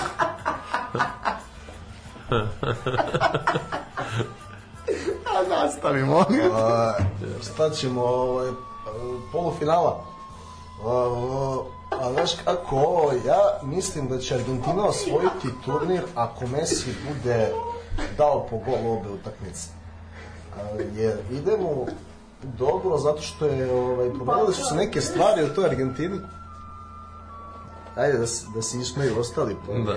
Ne, ne, ne, Samo mi pričajte, ne vredi, ne vredi, otišli smo. A ne, ja, gle, a kad se završio turnir 2018. godine i ono ispadanje Argentine, onda je bilo gomila članaka o tome kako, kako je Messi u Barceloni navikao da ćuti, da pričaju Čavi i Pique i ne znam Busquets, kako on e, ne loži sa igrače, kako nije lider, kako njegova verbalna i neverbalna komunikacija nije na nivou. I onda čovjek uradi upravo tu stvar gde počne da loži ove tetovirane ludake. A Ja, Rodrigo de Paul kao izgleda kao ono, E, I onda je on počeo, i onda je on počeo, e, on se loži, on daje izjave, on tamo drži govore, on provocira Van Gala, a Ma igra... da tu budalo i treba Pa provocirati. i treba, mislim. Ja, pazi, Mislim, pazi, čovjek je, Koliko je kivan, ono. Pazi, čovjek je 2000-te rekao da je potpisao ugovor s Holandijom na 6 godina kako bi dva puta osvojio svetsko prvenstvo i onda se ne plasira u Koreju i Japan. Mislim, to je potpuni kreten. O, ali hoću da kažem da da je Messi onda promenio baš to što mu je zamereno i sada on svaku utakmicu, znači on kaže, e, aj samo vi da, da bijete, ja ću da rešavam sve i probajte da ne primite golova koliko ja i neko napred može da da. I onda je, ovaj, ja mislim da će se Messi u sreće osmehnuti ako on opet, pritom on mi je drago što nije pogodio Slobodnjak protiv Holandije, jer mislim da ako u polufinalu finalu bude s iste pozicije će pogodi. Da će da mu se namesti I mislim da ako, kaže, on bude porešavao svoje, da će se ostalo nekako namestiti makar na penale, da ima Emija Martineza koji je jako važan i koji je baš tip turnirskog golmana, kao što su Ochoa, Keylor Navas, koje vidimo ono, jedno u četiri godine pa ih zaboravimo. A do, okej, aj. Da, ne, baš za, da- za, za, za očo, da Kjelo Navas baš Ali, ne. ne, ali Martinez je baš taj ludak, ono, branim penal, pojem sam turniru sedam utakmica, spojim dobrih i onda me nema, ali... Da li će Levaković takav da bude? Pa, i, ide mu, ali više su ga pogađali nego što on branio. Što možemo opet, to je bila toliko duboka analiza šuteri Brazila bez... Ali navijači Dinama su kivni bili Bez- na njega dugo. A dobro, navijači Dinama, mislim, ja ne bih komentarisao stvarno. A ne, vidi, Ovaj, Livaković ti je po, po svim parametrima na kraju kvalifikacija bio uh, od 32 zemlje koliko su se plasirale na svetsko prvenstvo bio uh, drugi od nazad, znači 30 po parametrima, po istrčavanjima u pet sve Ali sisteme, on je bio znači, najslabiji. katastrof. I one utakmice Dinama u ligi, on je dosta nesiguran. Njemu se dešava da mu lopte Pa ispadaju. jeste, ali gledaj, ne, Brazil je šutirao u njega i nije stvarao takozvane clear cut šanse, a nije ih stvarao što nije poveden Roberto Firmino. I onda, Da, razumije, jer Brazilci ne znaju više, e, napravio se tim od gomile tipova koji napadaju dubinu bez da zadrže loptu i promisle. I onda oni igraju dobro, ne igraju oni loše, ali niko ne razmišlja, šutiraju na brzinu i šutiraju u golmana. A kad ti imaš nekog koja što je Firmino, on stane, napravi višak, da, još racionalniji pas, još ti više otvori prostora. napadač. Pa da, Mislim, kakav Pedro Guillerme, nego Brazil uvek ima tu foru da vodi napadača iz domaće lige, nekog ortaka. Da, ali taj, taj čovjek nije mogao u Fiorentini da prođe. Opet se vraćamo na tu Fiorentinu Ne, što ta sam rekao. Fiorentina, On je imao četiri nastupa u Fiorentini. Vlahović je pobegao na vreme, a mi nemamo odbranu zato što Bleki Milenković nije radio, na, mislim neću sad po Srbiji, ali Bleki Milenković nije radio na sebi, nego se zadržao u tom kladioničarskom klubu šestu sezonu i onda svako kolo igra nekih 5, 2, 4, 3 nešto i nije napredovao koliko bi mogao da je otišao u West Ham, Frankfurt, bilo gde, kogo God god je otišao. Pa pogledaj Kostić To se sad kako je kako šalje s došao. tobom u Fiorentinu, samo iz Fiorentine, ona je dobra da, kao srpska daska, ako igraš godinu i po dana, sve preko Pa eto toga. ti To je- Bernadeski. Kakav igrač je on bio u Fiorentini i otišao u Juventus, nema ga nigde. Dobro, zato što Juventus ubija kreaciju u čoveku. Da, ali opet i Fiorentina je taj klub koji podredi se nekom igraču da bi ga uvalio posle. To ti kažem, a Bleki se nije prodao, nego on hoće da bude kapiten neke Fiorentine i onda izgleda na prvenstvu kako izgleda. Da je otišao makar unutar lige negde, makar znači Napoli, Inter, Milan ili West Ham, Eintracht koji je već nudio, ne znam, bio bi bolji. Uglavnom, Messi ako reši, on će da osvoji Hrvati. Uh, mo, ljudi misle, njima je možda teže da igraju s Argentinom nego s Brazilom, zato što ja ne vidim Argentinca koji u 117. minutu ne bi prekinuo kontru jednim mesarskim startom iz ovog tima, kao što Brazilci nisu prekinuli i primili su Ala. Josh Imunis kad- na Marakani na Kad Sulejmanu. pogledaš Da, da, ovaj da, tim da, da. Argentine, De Paul, Enzo, Ona kunja je izgleda kao neki ne znaš ono plaćeni ubica. Svi, ne, a svi, svi, izgledaju kao kokainske tetovirane ubice osim Mesija, znaš. A, I shout out belom prahu. I onda, ja ne znam ko ne bi napravio faul u 117. minutu na 1-0 od Argentinaca, makar dobio crveni, makar... Ja, ja znam ko ne bio. ono. Bleki, Bleki Milenković. A ne, e, ne, ne, stiže jedna ne, poruka, ne, kaže- možda ne bi onaj loser Paredes, ali je pogodio penal. Ovaj, da, da, ima jedno, ima jedno komentar stigao, samo da kažemo da kolegi Boriću je reprezentacija i dalje u igri, on ne mora da, da tuguje. E, sad tu dolazimo do ove istine. Da, da, Da, da. ovo, ovo sa Francuska, Maroko, stvarno... A misli na Francusku. Ja Da, da, kao, da. svaki čovjek ima dve domovine, svoju i Pa francusku. to, moj, moj, deda u Maroku onda služio vojni igra rok. dve tako da, domovine. Ali, ovaj, To što malo ljudi zna. ako, ako Maroko napravi još jedno čudo i bude u finalu protiv Hrvatske i Argentine, moguće je da finale sudi Clement Turpin, Francuz, a onda, pošto znamo koliko je Marokanaca u Francuskoj i šta se tamo dešava i znamo da je svako svetsko prvenstvo bar malo političko prvenstvo, Maroko, ako bi ušao u finale, možda im bude dozvoljeno da biju kao nenormalno. Evo, znači, ako bude Turpan sudio, to reći sudi za Maroko. Gvero, molim te, uključi se. Tvoje predviđanja, tvoje očekivanja od polufinala. predviđanja. Ja iskreno mislim da će Argentina proći. samo zbog Mesija. Da, da. Laže otvoren- navija za Argentinu ot- Otvoreno, ovaj, ima i do toga da navija. Tetoviran, kokainski, pa iz blokova. I, ima i toga, ali mislim da se nekako Messi otvorilo i da nećemo gledati reprizu. Dobro. Sa druge strane, mislim da će Francuska proći, ako svim srce navijam za Maroko. Ne znam nekako. I ne mislim, ovo što je Delić rekao da će to biti najubedljiviji Žao mi je, sad mi je jedan moment što žao mi je što nema kameru da vide ljudi kako izgledaš. Otprilike izgledaš kao da si iz Maroka, tako Marokanac. da. Marokanac. da, tako da. Amrabat. Kanac, Afganistanac. kao iz Mitrovice se javljaju narkomani. Ovo kaže, ovo Da. Bože, sačuva. tako da tako da mislim da neće biti lak posao za Francuze. Iskreno, uh, Marokanci su pokazali da su jako čvrsta ekipa i da su najborbenija možda ekipa na prvenstvu. Sigurno. Sigurno. A i Tako da, tako da neće se oni baš tako lako predati, pogotovo što je polufinale i na neki način možda ne deluje tako, ali mislim da Francuzi imaju određenu vrstu pritiska. Ovaj, I ja se ne slažem da su oni najviše pokazali na prvenstvu, iskreno.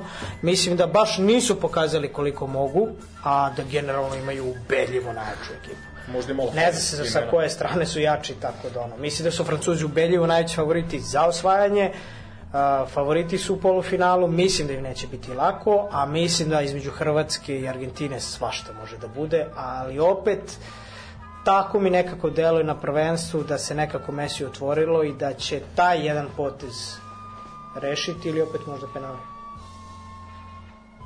Boriću, izvoli.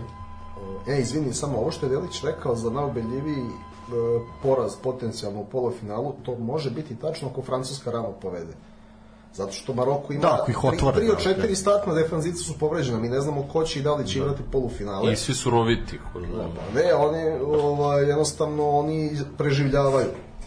Da, svi su komiti. A Francuska ima 50 igrača koji mogu da igraju za reprezentaciju i da završe među četiri. To je najve, znači kao što je nekad bio Brazil, sada je Francuska. Transfer iz, iz Alžira u, u Francusku. Pa to momentalno. dobro, stari kolonizatori, ali Ove, hoću. Kažem da ovo, i znaš šta je, ima to što se tiče Hrvata i Argentinaca, ako gledamo holandski vezni red odnosno hrvatski, jedina prednost holandskog veznog reda je ta što imaju, što su mlađi, imaju veću startnu brzinu u odnosu na Modrića i Brozovića. Kad vidimo koliko je Messi problemu pravio De Jongu, koji ga pritom poznaje kao saigrač, koji je mlađi, koji ima dobru startnu brzinu, mislim da u tom Messijevom prvom koraku Brozović, Modrić, pa i Kovačić jako veliki problem mogu da imaju. Oni moraju da rade, igraju tako da Messi loptu uopšte ne primi, a to je nemoguće. I to je među ostalog još jedan razlog zašto mislim da će on uspeti da prevaziđe Hrvate. Opa, znaš kako? Pa ti ja sad nešto kažem. znaš kako je, znaš ka, znaš, znaš šta? A, ja sad kad razmišljam, a, ja možda malo veću prednost dajem Hrvatima. Iz, iz čistog, ne iz futbolskog razloga, već iz razloga što mislim da su Su naša braća. što su ultra, pre svega, shout out, a što su, mislim, ultra preloženi zbog ovoga. Već su dolazili do završnice, znaju kako se dolaze do završnice, imaju stravične imena, što ti kažeš Delić, Luka Modrić, verovatno ono, u poslednjih 10 godina, ono, uz Benzemu, vojde naj, najpocenjeniji igrač je koja svoju zlatnu loptu, naš ono, a, nezamenjiv čovjek u Real Madridu. Mislim, ko u Real Madridu, ako je Perica Ugljenović mogao da dobije otkaz u Real Madridu. Na, naš kao, znači da Real Madrid pronašao- može sve da smeni. Ali Perica se pronašao u regije muzici, tako da... A ne samo to, ambasador Rolexa, za obe ruke po jedan. Ovo nisam znao. Perica i regije muzika, stani. Da, da, da, da. Pa Perica je rekao nakon toga da on ne žali da je se on pronašao u regije muzici. A pazi ovo. Baš ti ima akcent. Ne, znaš zašto te ovo pita? Zato što u isto vreme kad je Perica došao u Real, sa njim je došao i još jedan igrač Marley. prostora Elvir Baljić. I Elvir Baljić se pronašao u narodnoj muzici, tako da evo Ja, jeste. slušalce. Jel on bio- jel on bio? Da, da, da. Ovaj preporučujem pesmu Elvira Baljića Živim kako hoću. A jel da- može sledeća kad pesma onda Turbo Folk neki, Elvira Baljić? Ne može. Ne, može, ne, može, ne može. tako Nema, ovde je samo prividna Kad demokratija. budemo imali svoj studio, bit će onda i kad ja budem muzički urednik, to ti brat obećava. Sad, muzički urednik će nas prebiti, tako da ne može. Zamisli, zamisli. Zamisli tu televiziju da su oni muzički urednici. Zamisli ta- Postoji to. Već postoji. zove- zove se- idemo. Zove se. Kopernikus. Dem, dem da, dem sad, dem dem sad. E, Da, što se tiče futbola, e, mislim da malo dajem možda, možda blago navijačke, čisto zato što ja ne znam... Zato što a- a- ne, ne, problem. ne, ne, ako postoji nebitnija, suštinski nebitnija stvar za nas od toga da li Hrvatski, ja, ja volao bih da mi neko pokaže, da li Hrvatski igra, da li ispada u, u grupi kao poslednja ili igra finale, Kako misliš ja da- ne vidim ne zašto bi nas to tangiralo, kao što naravno, ne vidim zašto bi briga? Rumuni ili bilo koga. Tako da ja s tim navijam. nekako za Hrvate, ne, stvarno navijam za Hrvate za- zato što a, da dođu do, da dođu do finala, u finalu nekih otkosti Francuska, razume, nije taka, ali navijam da dođu do finala, mislim da imaju čime da se suprostive Argentini, mislim da neko može da izigrava da izigrava ono bučera tamo i da da da otkosti Mesija. Ne verujem da će to da uradi. Što se tiče Fre, što se tiče De Jonga ja kontam da je Messi bio kiva na njega s obzirom koliki ugovor čovjek krcka u Barceloni. Ja mislim da ovaj čovjek namerno igrao ono na, znaš ono kao sad ću ja te pokažem ono kao tvojih 55 miliona godišnje. Ovaj, tako beše zavio Barcelonu prilično u crno možda u tamno sivo, ali ono kao baš ih je zavio navijam, ne, nisam siguran da li Hrvatska može da po- nisam siguran navijam za njih da uđu u finale a drugo polufinale uh, volao bih da prođe Maroko Znaš, ono kao zamisli Hrvatska Maroko, finale koje vjerojatno niko nije očekivao. Da, početku. to je dobra, dobra Jeste, poda na samo 9 je- ako si vidio danas je leto kako, kako bi izgledalo Hrvatska Maroko finale, a 22 igrača sede na zemlji, lopta stoji čekaju 120 minuta. Aha, razumeš, ja, ja, ja, finale. ja sam mislio kao neka slika, Thompson puši hašiš kao, znaš. ovaj, nego... Uh, Ne, gotovo, da. Mate, Bul, Mate Bulić kašeš klopa. Nego, uh, volao bih, volao bih da Maroko pobedi zbog toga što su mislim pokazali, vidi, da, da je neko, a ako mi neko od vas kaže da je video Maroko, da Ne. prolazi grupnu fazu pre, pre jako, početka. jako dobra fora je Pa, bila. a, jako dobro, ne možete- ne možete jako kažete dobra. ne, a ne možete kažete Ne, ne možemo ne. kažemo ne, ali Znači, jako realna dobra. borba ali- za prolaz da. između oni njih i Hrvata E, je upravo to. od starta. Borba za prolaz ako, ih, ako se poslože kockice. To je bar meni, znaš, A niko ih nije vidio to mi je daleko, bilo- to je. Ne, ja- Koliko daleko ih nije videla Hakimijeva majka koja mu je rekla, sine, ka- Sanja i najveće moguće dostignuće. Ne rekao, mama, Sanja, Ne, polufinale sa ona je rekla, ne moraš baš toliko veliko i toliko daleko da sanjaš. Ne, ja, ja, Ali sam ovaj- ih, ja sam ih i video zato što Belgija, ali pazi, Hrvatska je dosta škripela na evropskom prvenstvu, meni je Hrvatska iznenađenje da, ne, nije iznenađenje što oni imaju inače kvalitet, nego iznenađenje da baš ovoliko ponavljaju. Jer su bili zreli protiv Belgije da ispadnu. I onda kad su već prošli, Fortuna ih je pazi, pogledala. urade ovo, Ono iz, iz Düsseldorfa. Realno je, svakako svaka čast. A Maroko mi je iznenađenje i još, znaš zašto, što mi je drago zbog Maroka, zato što su reprezentacije Severne Afrike ispaštale zbog drugih e, rezultata. 98. kad je Maroko bio zreo za prolaz i pobedio u posljednjem kolu, Brazil je sa nekim kombinovanim sastavom izgubio 2-1 od Norveške, a 82. kad je Alžir trebalo da prođe dalje, Nemačka i Austrija su odigrala jedan, je, odigrali 1-0, jedini rezultat koji je obe ekipe vodio dalje. Samo ću Tako reći da- jednu sekundu. Tako da je se- Severna Afrika ovo zaslužila mnogo ranije, to je moja Svakako, naravno. Ali sad javio se muzički urednik i rekao je da će vas slomiti, tako da nosit ćemo vam banane na ortopediju ako budete se spardali. Tako Muzički da, urednik hoće da nas slomi da bi nas lečio jer mu je to profesija. e, bojim se da ne. ovaj, e, a, što se za, sad si rekao nešto za, jo bože, pogubio sam se. Severna Afrika. za ne ne ne, nego nego nego nego pre toga ni ni bitno navijam uh, voleo bih da bude voleo bih da bude uh, Hrvatska Maroko jer mislim da niko nije očekivao Ne, da, ruku na apsolutno. srce mislim da niko nije očekivao čisto pošto je celo prvenstvo od samog začetka od toga kako je Katar dobio da ne idemo u genezu svega toga Od zigota, toliko da, da, da, to, to, to, od, od velikog praska kako je to se počelo i na, Supernove, a ne mislimo provajdera, Supernove, da, ne, ne, ne pričamo o kanalu, nego pričamo, znači Supernovo koja je najavila svetsko prvenstvo 2022. Ovaj, mislim da niko stvarno ni ludilo nije mogao da naš prognozira ka, iz, zbog faktora iznenađenja volao bih Katar Hrvatska. A, mislim da je o, realnije Francuska Argentina. I mislim da to većina ljudi preželjkuje jer kao ono Mi ćemo Mislim- biti mislim da su- punk manjina koja će reći to, to, to. I vidim da i navijam za Maroko, volao bih za vo- naš volao bih neko ono, letovanje u Maroku, pa naš, ono, kao, ono, naš, i širim se tamo, pa kažem dva, tri igrača koja znam, pa dobijem besplatno šator. Otko ti znam, misliš. znaš, kao, znaš, šta, šta će... dobro te rekao, to ti misliš. Ovo što, ste, što je Delić rekao za Modrića se isto slažem. I ovo što Messi i on rade sa 35 i 37 godina, ovakva agilnost i broj uspešnih driblinga, ja ne znam da je jedan igrač radio. Jer što obično karijere koje traju do tih godina su karijere defanzivaca, znaš, ono, golmani, štoperi, pozicioniranje, bez mnogo eksplozivnosti i ostalo. Ovako da ti uzmeš 35 godina loptu na pola i da dođeš do kazinog, ja ne znam stvarno. Pa ja vam osjećaj Modrić kada uzme loptu, da niko ne može da mu je oduzme. Znači on tri dana da je Znaš zašto drži, je to? on ih Jeste vrti. gledali Balkan Info? To je zato što je Modrić Srbin. A da, i, Da. Elon- Da nije rekao Elon Tečić Musk- Tešanović. I- Elon Musk iz. Republike Srpske. Miroljub. Mene Musk. liči, zato što ga je lečio doktor Milisav Nikolić. A ja, da, ne, ne, ne, ti sam A, samo... da, Teša Tešanović inače isprozivao Balkan Info. I izbrisane su sve Da, epizode. sve, brate. E, nego, samo što, samo što da kažem da... isprozivate, brišem vas, da Što, niste kao, kao, da, da, da, da, kao kancelujem vas. E, što ne pamtiš te igrače tih godina, shout out Gabor Kiralji, brate.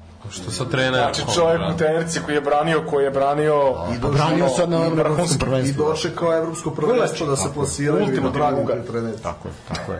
A, aj sad, uh, dobro, okej. Okay, vaš uh, najveći overachiever, underachiever, najveće iznenađenje i najveće razočaranje.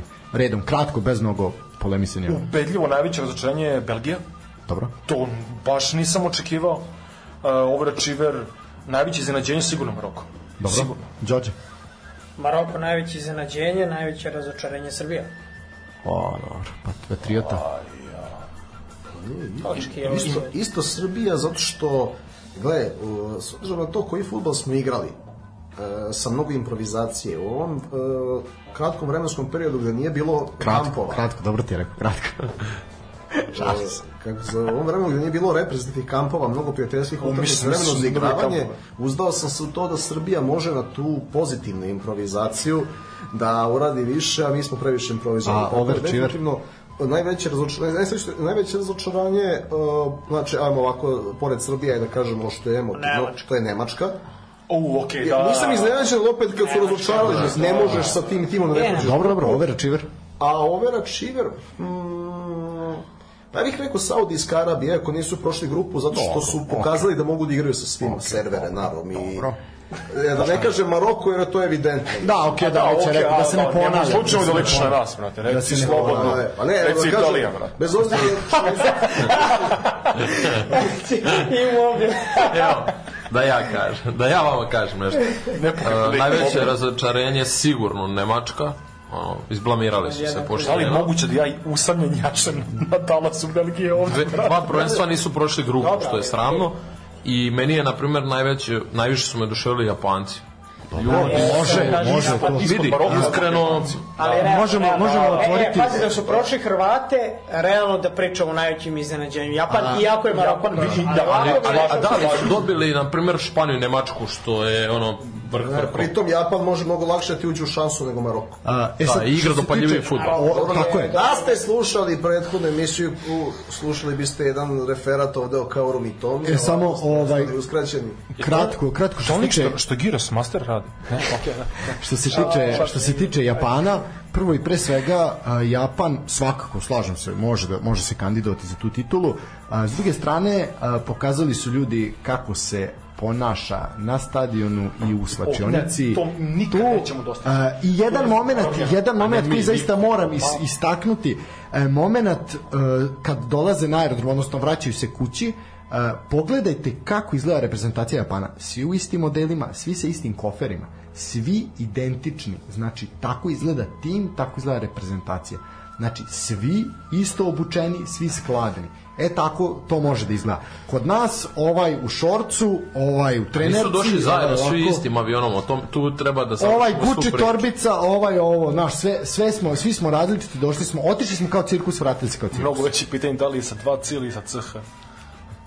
To je sad pitanje isto, da, okej. Okay. Ne, ne, u stvari ne, ipak je najveći overachiver, izvini, Australija. Ljudi, ja ne znam, za razliku Može, Maroka, ne, može. apsolutno ne znaju ništa i prošli su grupu, a nisu namestili kao Koreja. A čekaj, Duke, čovjek koji igra u drugoj japanskoj ligi i koji je na onako 300 konkurentni, utakmica uh, dao 20 i nešto golova i čovjek koji izdominira prvenstvo. Može, može, I kad, smo. Australija, kad da. ste pričali već o podcenjenim igračima, mora da se doda jedan od najpodcenjenijih igrača u poslednjih 10 godina, koji nije bio na toliko velikoj sceni, a mnogo zna futbola, a to je Thomas Delaney, bez kojeg Danska ne može da stvori šansu niko. Čak ni sa Eriksenom. Meni je Danska, Možda meni je Danska, to na primjer, ja ću reći Danska, da se ne kako- A ponavljam. oni su bili kao Možda bi prvi da- Dark Horse, kao, svi su od njih očekivali da eksplodiraju. Odjahali su kuće brže nego ikad. Pa ne, ne, nego U stilu, bre. Ja nisam očekivao, ali mi je Vladan Novaković radio dobru propagandu. Ne, vidi, na, na kraju dana kako je to da Kao što je rekao da će Boban Hagen Slavko gledati Burić 20 i, Slavko da Labović bude Belgija najbolji igrati glumci. finale ove godine. Znaš, tako da... Brate, To što on prognozira ovaj kontra i dobit ćete na kladionici. Tako da, ja ću, ajde, Vladan Novaković. što se tiče mene, ja ću reći svakako, svakako da je meni ajde Danska, sad da se ne bi tu ponavljale neke reprezentacije ili reprezentacije, ovaj Danska onako meni očekivao sam zaista zaista tu više, ali svakako i Belgija Da, i da, Srbija da. sve se to sve se to Teši ovaj me, teši me. Da, ovaj a što se tiče što se tiče overa Čivera, a, negde Pa iskreno ja nisam očekivao očekivao od Hrvatske ovo i ja ću reći eto da je po meni Hrvatska onako ozbiljan overčir došli su do polufinala. Ako izuzmemo Japance, Maroko i sad to da se opet kaže ne bi ponavljali. Još jedan pomen, samo Južna Koreja. Ne, to je što Da, Šta su, znaš ono istina. kao, u posljednjem momentu, Portu, o, bože, e, ispada Nemačka, Da. njihovim golom ispada... Kostarika. Ispada Kostarika. Znaš ono, Portugala... Ne bre, ne, Kosta Ne, ne, pa- Urugvaj, Ljudi Urugvaj i Gana su Urugvaj i. Gana, Urugvaj i Urugvaj i Gana. E, ali naj, najkomičniji, izvinjavam se, najkomičniji moment te grupe je kada se na stadionu objavi rezultat da Koreja vodi 2-1, Gana koja je do 86. minuta napadala iz svih oružja, svi vraćaju se nazad, bunker kao javor, znači, e sad nećemo, ne idemo mi, ali ne idete ni vi, znači, ono, vraćamo za 2010. Ne, ne, ne, ja, ja stvarno utakmice Francuska, Tunis, Južna Koreja, Portugal, Da, da, Brazil, to su- kameru ne bih komentarisao. Dobro, ali iskreno, Ali zbog Francuska, utak- Tunis, zbog Francuska imala utakmice- šans. E, ne, ne, Eli, pusti to. E, zbog utakmice Francuska, Tunis, verujem da ovaj, da ako Messi, da ako Messi prevaziđe Hrvatsku, da Francuskoj može Šta da... su mu da- ukrali novčanik na letovanju tamo, kako to je maziđe? Pa, ovaj, pa vidi, ukrali bi mu oni, nije to sporno, ali ako, ako, prođe, ako prođe Hrvatsku, onda mislim stvarno da Francuska može da ostane baksuzna, makar i bolje igrala final. Baš zbog utakmice Francuska-Tunis, zato što je to stvarno jedna velika sramota i generalno mora da se nešto radi. To od kad su stavili ovo sa gol razlikom, mislim da je jako pogrešno, jer je svako, svaka grupa je bila podložna Okej. šteli, tako da čak pazi, ja koji nikad nisam navio za Nemce, moram da im odam jedno priznanje što nisu pustili Kostariku da ne prođe Španija, a mogli su. Da, me, e, to, to je istina, to je E, istina. ok, mogli su. ovo sad, ovim smo odlično završili, sad kandidujem novu temu. Uh, a to je, od ne kandidujem, ja sam ovde Bogi Batina, ja otvaram temu, ovaj, a to je uh, menjanje sistema takmičenja. Znači upravo ovo, pričali smo go- gol razlike, to sve, sledeće svetsko prvenstvo, ta priča, uh, više reprezentacija, tri u grupi, još četiri azijske reprezentacije, što je po meni suludo. Znači, ono, doći ćemo do svaki savez, odnosno savez, svaka regija dobija po po ovaj, još učesnika, s tim da eto ta Azija, ono sa 4 na 8, od dole Afrika, a vamo tamo, znači e, po meni, mislim, šta vi vidite, kako, na šta će to ličiti, i kako su vaše težnje i želje i Neizbežna popularizacija sporta. Na, naš, ono, to, to, to ne može da... Ali futbal je popularizovan, nema potrebe dodatno, mislim. To da ga ti misliš jer ne, ne, ne budeš žuo o njihovoj statistici. Ako A ne, fali, o njihovim džepovima, Ako, ono. e, upravo to. I upravo ako, to, Ako to je to. može 100 eura negde, druži, zašto, zašto Da, ne bi ali mi imamo sad jedno četiri selekcije koje su zalutale. Burkina Faso, kida. A gledaj, doći A ćeš do zamisli kad situacije dođe Novi Zeland, Zapa, eto, Oman zapamti i- moju, moju, zapamti moje reči. Imaćeš utakmicu Jordan. Novi Zeland. Ovoga mi krsta što bi rekao svetac ove emisije Nenad. Lalatović. Pa da. Pazi, i pa imao si Trinidad i Tobago na svetskom prvenstvu. Imali smo i Letoniju na evropskom. Ovaj, znači, imaćeš taj moment, Svi su bili na evropskom. imaćeš taj moment uh, Jordan, Novi Zeland. Da, ali vidi, Utakmicu ako za koju, evo, pet ovih, pet ovih osoba ne zna da nabroji više od dva igrača ni jedni drugi na pre- reprezentaciji. Kod kojih, koj, Uh, koj, Jordan, Novi Zeland. Pa znamo onog golmana našeg iz Novog Zelanda. Ne, tako da je nejednostavno ide se ka tome. Ide se ka tome, bojim se da će imati 64 reprezentacije na evropskom Hoće, hoće. na svetskom prvenstvu. Koliko je sad najavljeno? E, 48? Ne, ko- koliko je najavljeno, beže? Uh, sad je sad trenutno 32, ne znam koliko će biti. Sad su objavili- 48, da, mislim. Ali da. a, ako naprave u, po četiri ekipe u grupi, A neće ići po tri. Ne, ne, nije, nije. A, menjaju sad, jer ne bi bilo regularno. Ako budu tri ekipe, onda poslednje kolo mogu da šteluju ono najlaganije. Naravno. Sa četiri bar malo moraju da obrate pažnje da Ali što Da priča da ne kao moraju. bacit ću tri, pa onda kao, a ne može po tri, ajmo još dodati u svaku grupu još po jedan. Ali to je bolje, zato što nećemo baš gledati ono po tri selekcije, zamisli, da toga dve idu dalje. Imaćeš prvenstvo koje je ono razvodnjen. Ali, ali već je razvodnjeno što ide u tri države. Igraće se u Meksiku, Da, Meksiko, Kanadi, Kanada i Amerika. Americi. To, to je već... Šta pričamo o evropskom prvenstvu koji se igrao po celoj Evropi? A Ne, a to tamo, je tamo, imaju, tamo imaju dobrih sniženja i tako se. Zna, pa ti Ali, znaš. ne, ne, gledaj, gledajte jednu Gep- stvar, ima- gledaj jednu stvar koliko ja ovaj, za ovo mog života poznajem Amerikanci. I generalno, pa da prebacimo to i na futbol. 94. kad su prvi put bili domaćini, a, desila se velika promjena pravila da više ne može, između dva svetska prvenstva 90. i 94. da ne može da se vrati lopta u ruke golmanu, nogom. I svetsko prvenstvo 94. je nezapamćeni spektakl u odnosu na neka prethodna. Tako da sa ovim novim formatom još nekim stvarima ja poznajući Amerikance očekujem spektakl za četiri godine plus Meksiko i Kanada, tako da a, iako na papiru neke stvari deluju loše, bar od tog nokauta kakav god on bio, verujem da, da će ispasti dobro. Poznajući njih, organizaciju, jer oni... A ovaj, imaće i dobru selekciju, To, realno. to dolazi General League konfederacija Ali, ali ne, oni će imati baš dobru selekciju. Pa, imaće i selekciju, pa još ako Trump pobedi izbore 2024. Pa jesi Trumpa koji peva YMCA i džuska na otvaranje evropskog prvenstva. Pa, Oh, Svetsko- why MCA, ono. I ovako, to, mu, to mi je jedna od omilih pesma. To je, Da, stvarno. ali vidi, Amerika ima stvarno dobar sastav. Ne, ozbiljno mladu obje- ekipu, i mlada ozbiljno mladu ekipa, ekipu, da. Vea, šta sam ja rekao gospodinu Guveru koji ovde sedi pored me, da ono da, da Vea daje go. Da Vea daje go Amerika. I čovjek je dao go, je tako? Go. Sin, sin. Da njegov sin Sin je, nastupa za njegov sin Ameriku. nastupa za Ameriku i dao je gol. Na, Ne, sad će da obezbedi da se Liberija plasira u Ameriku. E, a, a, prošlim. a Liberland tamo između Apatina i Sonte, kako li? A, da, pa i oni kako je krenulo proširano da se širi evropsko prvenstvo, sigurno će igrati kvalifikacije. tamo ja igram. Tamo i ja igram. beka. Doći ćete vi na vruć teren. Da, da. Neka, neka, pa to šta ti je? ako, Ko ako rukometni gledamo igrao. sve što ovaj, Amerikanci znaju svemu da se življavaju, ali im je sport dobro organizovan unutar zemlje i ja verujem da će to prvenstvo biti organizovano dobro. Ne, svako. Nešto ih Nije, to, to, ja, ja, u to niko ne sumnja. Ja, Ne čini. da. Ne Samo- to, nego ono kao... Jer, pazi, bilo je mnogo svinca ove godine u Kataru, kao što je bilo pre 20 godina u Japanu i Koreji. Mislim da su tu Amerikanci tri koplje iznad, eto. To, A ne, ova Ček, ček, priča... šta je bilo? Šta je Pa bilo? ova priča, šta? Za Japan i Južnu Koreju sve je bilo. Znači, kriminalno je bilo do bola, ali... Prvo način na koji je Koreja ušla u polufinale, pa A se... dobro, i, jel to biše prvo, ono, prvo koje su organizovali u dve države? Da, prvo i u Aziji i prvo u dve države. Da, Da. prvo u dve države, da, da. I, I je. čuveni onaj Japanac što je dao go Peruđi o, Italiji, pa je dobio otkaz u Tako, Peruđi. Ne, Korejac, Korejac. Korejac, Korejac. Koreja, da, da, da, Korejac, da. Jung Fanan. Da, pa je ovaj isključivo Totija i sudija pravio haos, da. Ovaj, da, to- Ali nekako romantičniji tad bio Objektivno. E, okej, znaš zašto je bio romantičniji? Zato što si imao 7 godina. Tako da, ti je ti bio imao sam, romantičniji. e, Nije, im- brate, imao sam, lopta je bila lepša. imao sam 10 godina i roditelji su mene odgovarali od toga da se šišam sa ono picom na čelu kao Ronaldo. Da. Razumeš? Ono posle... Pa i roditeljima je bilo lakše. Mene je mama odgovarala od toga da se šišam kao Daniel Ljuboj. A misliš, A Leroya. misliš Liroja? Pa, Liroja. Šao da oci ljudima koji igraju PES, znaš, da, Liroja, brate. Ono, nikad. Da, on, da, on je bio jazavac. A zamisli, Da, da, da, da, mama, da, ovaj, da, ideš moje, mamom u šal. salon i pokažeš i sliku Daniela Ljuboje. A, to je, ba, Da. ako sluša emisiju, sad će biti. A Keva kaže, je li ovo Liroja, svine, izvini. je li ovo Liroja? O, E, da, ozbiljna, to je ozbiljna, bilo, ozbiljna u, legenda. kakvih je bilo frizura. Žao mi što Maron Šamah nije igrao, brate. ovo. Uf.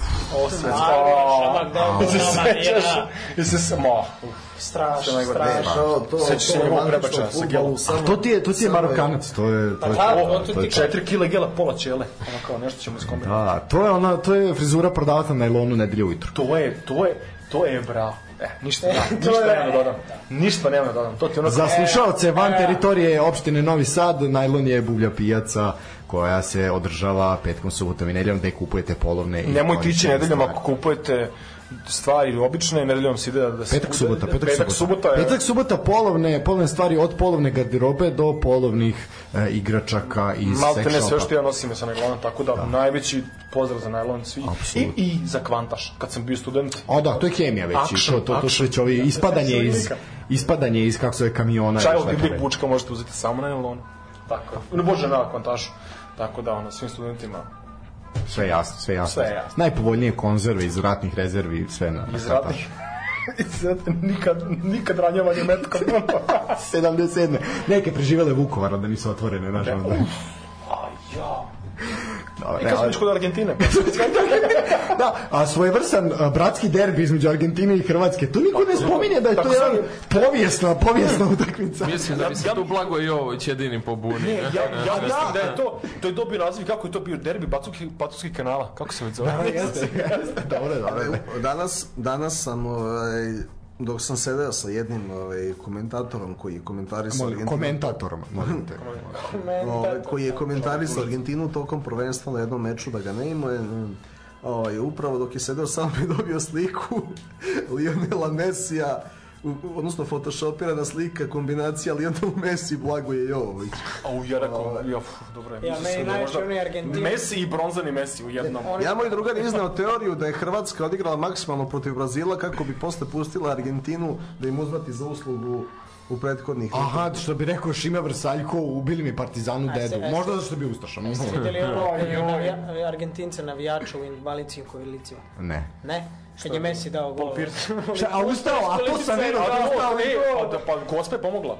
Gospa se javila. Gospa se javila iz, javila. iz, iz Međugore, Bluetooth dobacuje skroz donde. A kad smo kod Međugorja, javio se, ne samo Mamić. javio se gospodin koji je trener Stvarno? Međugorju, javio se Zoran Mamić, o Bože Zoran, javio se Zdravko Mamić, Zdravko Mamić, izvinjavam se, A nešto mu otimaju Dinamo, a? Pa, Delo je da mu malo otimaju. Malo, Deluje. malo, malo su vidjeli Deluje ovi da sa su vlasti da je, da, da, da, su delo je ovi iz vlasti da su osjetili da ima tu love, a? Livakovića treba prodati, a? Nije ni Bruno loša, E, da, ali nema... Brazila. E, kao, nema menadžera, vidi, ja znam čoveka koji zna čoveka. Da. Ovo je tako. O, javio se gospodin iz Međugorja i pričao je, tako je, i pričao je, jedan opsežan intervju je bio, Uh, I sve u svemu, ajde priča o hrvatskoj reprezentaciji za tutko nije ni bitna, nego je spomenuo nas. Spomenuo je nas. I kao, pošto je Pixija, sve to u redu, naravno, da se ne lažemo, svi su oni gledali Pixija i navijali za tu istu državu, iako sad se pretvaraju da nisu, ali nema veze. E, vidi, jedna dobra stvar kod Mamića što se ne folira da je bio Jugosloven i što je rekao da Naravno. voli Srbe. Elem, uh, ovaj, i kaže, kaže ono. rekao je jednu, jednu stvar, a rekao je to da dajte Srbiji Vlahovića i Mitrovića, bit ćemo svetski prvaci. Misliš Hrvatsku? Da. Aha.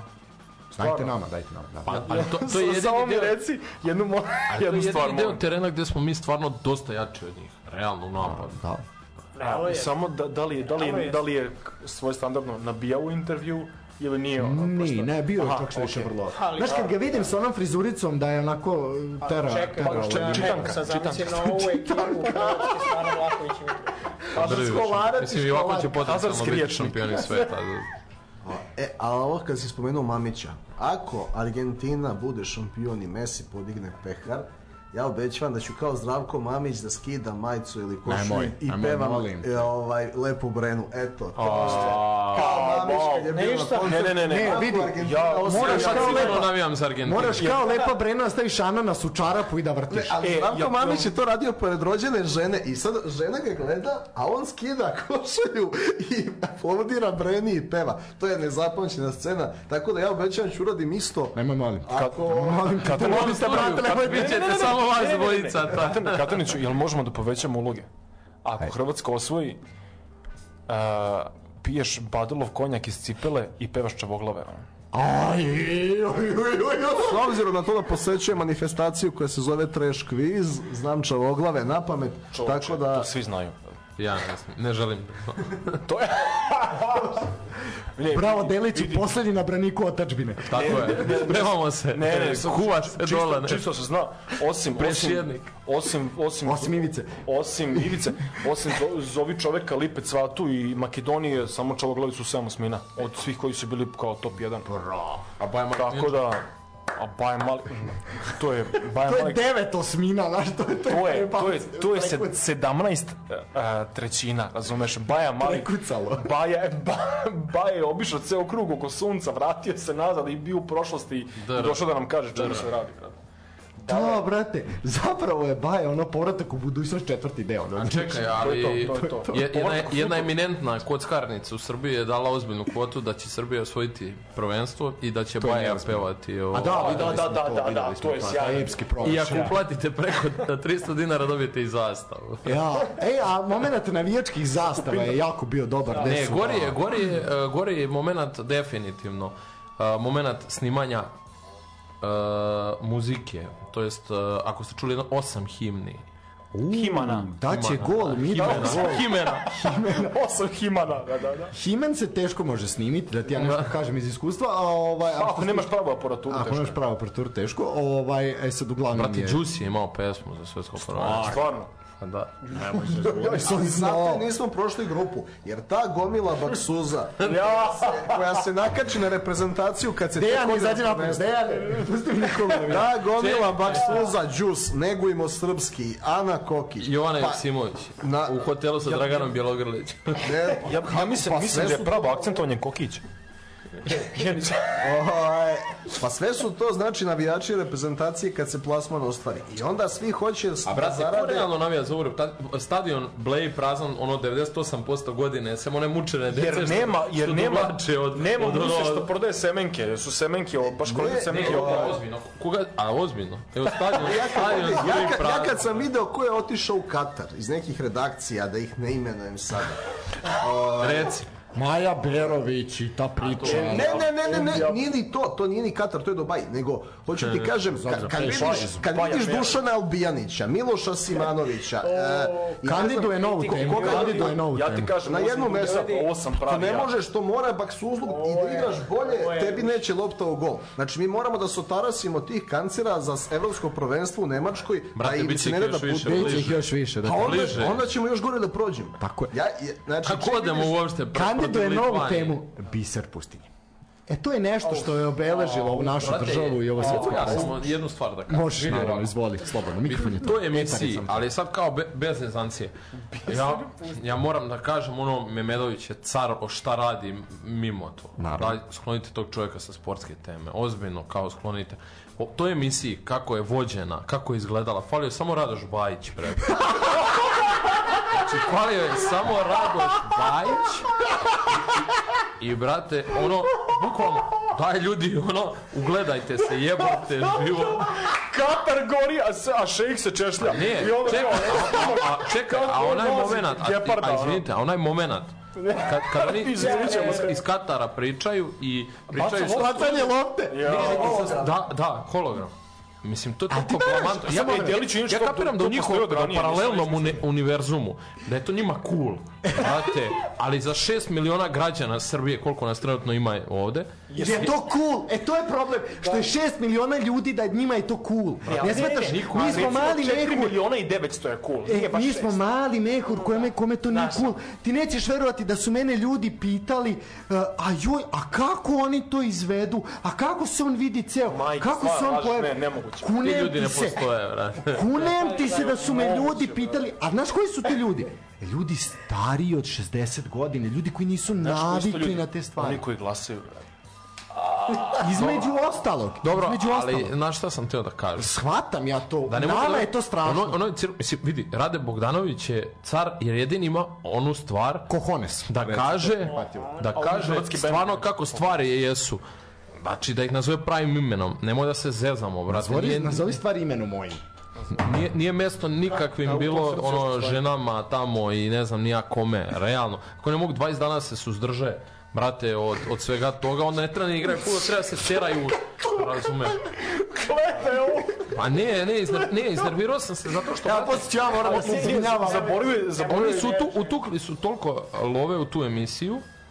U- da najavi tebe kao pisac, i- pisac erotskih romana. Ma ne, nego, brate, utukli su toliko svega to u emisiju i ne liči ni na što. Daj, dovedite neke stvarno stručne ljude. Ja, ja nemam problem. Ti kažeš da rade Bogdanić nije stručan. Ne, jeste, on je i tu jedin, brate, Memedović je ko Sjerina. ne, nije stručan. Evo, odmah ti kažem, Rade Bogdanović je igrao, on, on priča o On, on ima muda da kaže šta misli i meni je to super kod Brate, njega. on ima veću karijeru od 98% ovih naših reprezentativa. Da, ali on ostao u vremenu u kojem je igrao futbal. I on se samo ostravi na mladog igrača koji danas mnogo zarađuje, čim odigra prvu lošu utakmicu, bilo da je domaći ili strani igrač, njemu je kriv Dembele, zato što je on vidio da je Dembele mnogo plaćen, a Dembele nije platio sam sebe iz dodatnog A da, ali Dembele tri godine nije odigrao ništa u Barceloni. je imao je Ja, problema s povredama, ali je gledaj, kao Rade. Bogdanović je sujetan što nije toliko zaradio E, i to onda da. se on ostravi na nekog Pimpu je, mladog kaže. A dobro, Ali to je to druga stvar.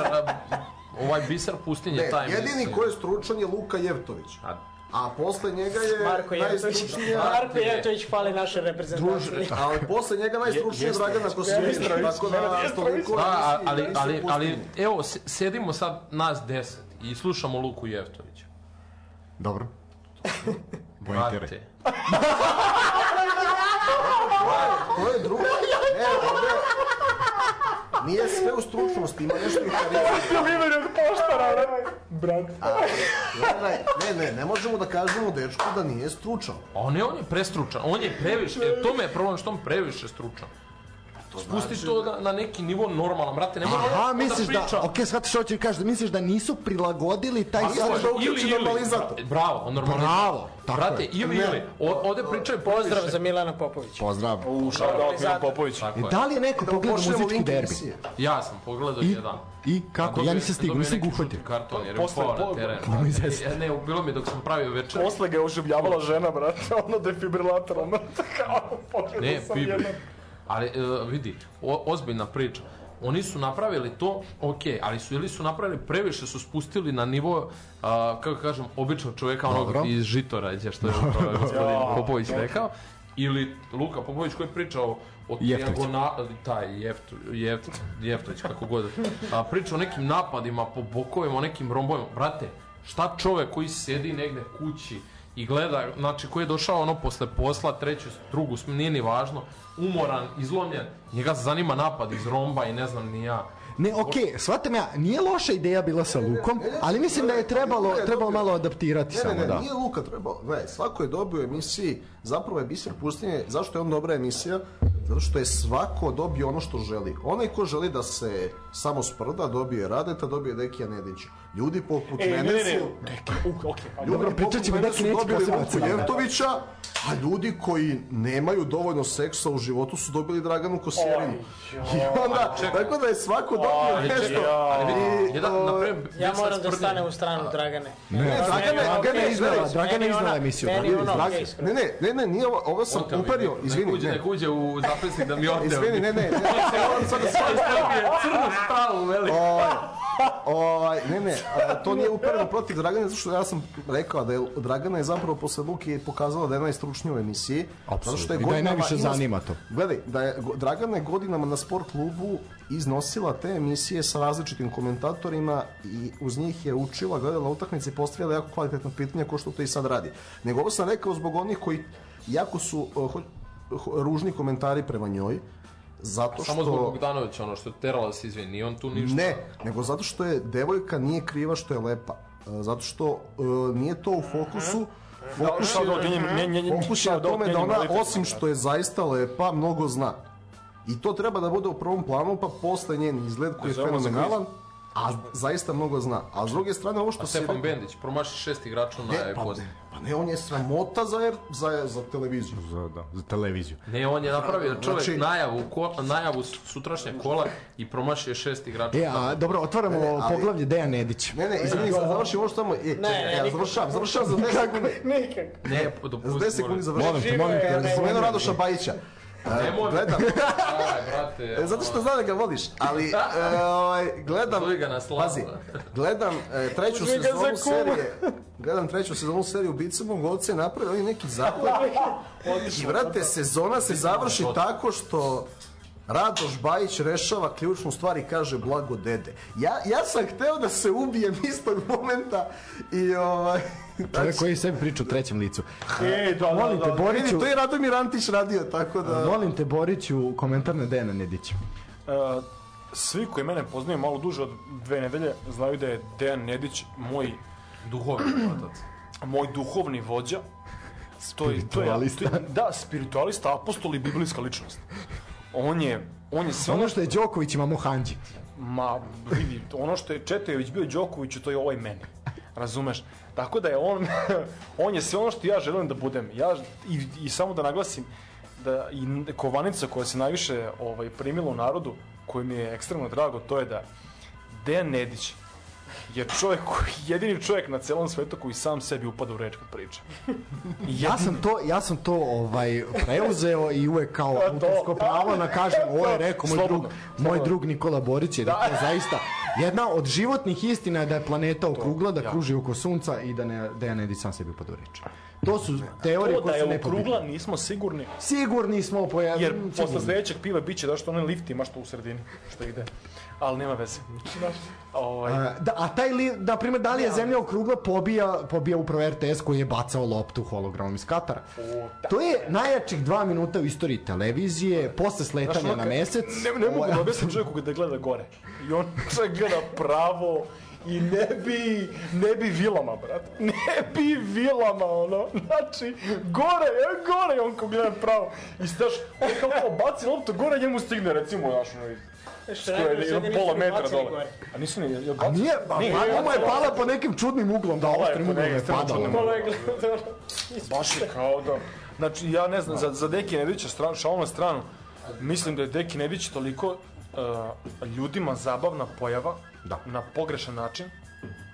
Iskreno, mislim da gomila ljudi da se koji ga... to, mislim da se to odnosi na Rajeta Bogdanovića. Naš, isto, isto, isto. U manjoj meri, jer rade, e, nije toliko evidentno karak, ono, karikatura kad priča, kao Deki Nedić, naš Deki iz, naš, iz- izvedemo onu sliku iz mladosti i on kaže, jo, gde ste ovo našli poljotljenja, tako sas jadan, ono, ono, upljuje dok, Da, dok da, znači, ovo je objasni slika šta- kad sam dizao za- za o- offside, znači ide i... E, bukva, e, bukvalno. Znači, to. bukvalno. Je, čao Deki.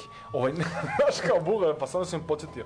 Ali e, ima jedna stvar kod meni kod Dekija, ovaj, ra, Rade nije dobronameran prema svima, Deki je zaista dobronameran, samo se malo previše uzbudi kad neki sudija pogreši, jer zna da ima čime da se bavi. Na, ok, da, to je, to je njegova struka, znaš, on je presrećan kad neki sudija pogreši ili donese odluku koja je bila kritična u kritičnom momentu i dobro, dobro je donešena, znači kao dobra je odluka po njegovom i on kaže kolega je vrhunski to odradio ili šta god, ali... Znači, kolega iz Poljske, vidite, ovo, ovo, ova situacija, ovde, e, idemo, ovde, ovde, Moment, za... e, to je rekao, kolega iz Argentine se nije dobro pripremio na susret između, jel Argentina, možda sam sad i odvalio, nije bitno, između e, za Šaćirija, kao naš da je on rođen, vam rođu, koga bre, boli Ma briga, da, gde, mislim, znaš, ono, e, malo, malo su ga pustili i sad šta meni smeta?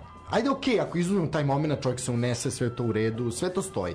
Me, šta meni lično smeta, ide ono što tih 5 sekundi koji napravi problem u izlaganju Dejana Nedića. A to je kadar Svi- koji se prebaci na uh, Radeta na taj sto gde oni sede.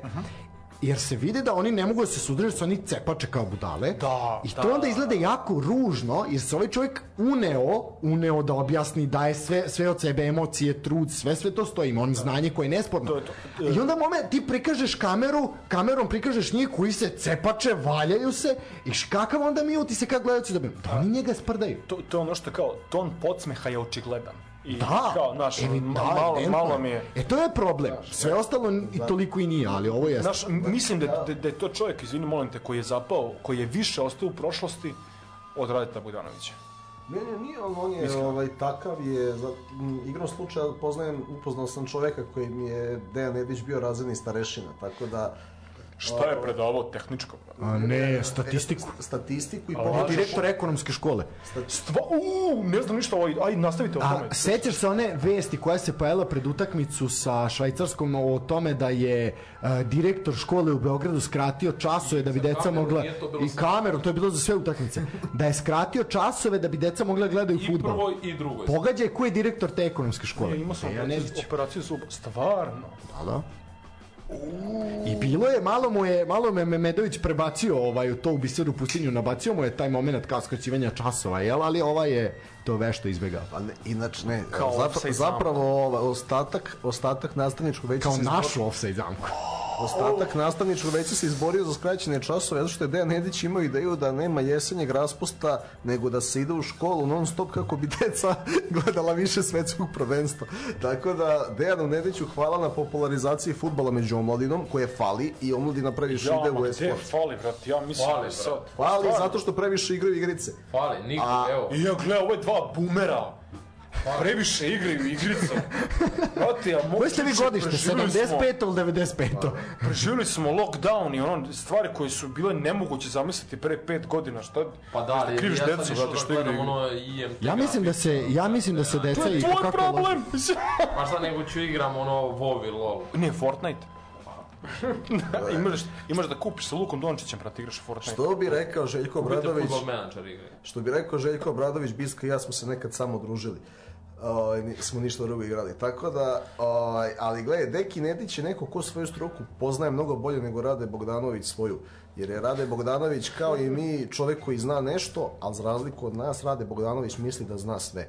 I to je moj problem sa njim, zato ja ga ne bi nikad, u stvari zvao bi ga da dođe ovdje da pričamo, ali ga nikad ne bi smatrao za nekog znalca, zato što, prvo što nije... Ne, ne, nije on znalac, ali on je ljudima zanimljiv. Ali nije dobronameran.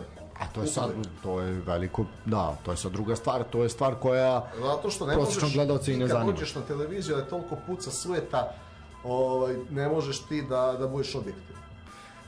To je sve, to je sad već drugi, drugi problem. par rukava. Drugi par rukava, to se teo prvo kažem. Ovaj, tako da, ja mislim da je vreme da mi možda odemo, odemo na još jednu muzičku pauzu, šta vi kažete moji drugari, pa ćemo onda, onda ćemo odlučiti, to je ključni moment, ključne dve nedelje, ključna dva minuta ovaj, u ovoj našoj emisiji, vidimo u kom smeru će... Jel, jel može se bira muzički, muzička... Ajde, tebi ću, Boriću, dozvoliti danas sve, izvoli. Može nešto o Mešuge?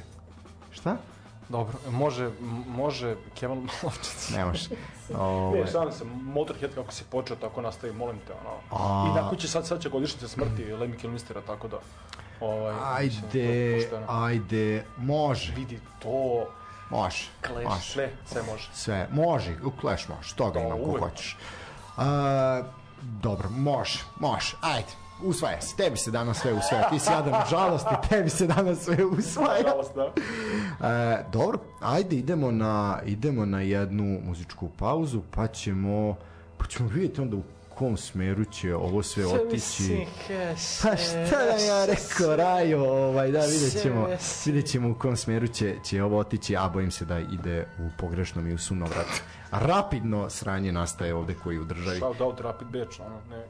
Nemoj. ne, nemoj. Dobro. Ništa, uh, može Clash, može Clash, pa ovo je, ovo je Borićeva pesma, tako da muzički, mu, jeste muzički urednik učestvovao, ali evo ja biram, što bi rekli, ja sam izbornik večeras. Opa, nove reči smo naučili iz srpsko-hrvatskog riječnika. Uh, puštamo Clash, pa se vraćamo. Što bi rekli vođeni, Clash. Znaš, mora š to, mora š puno isto š.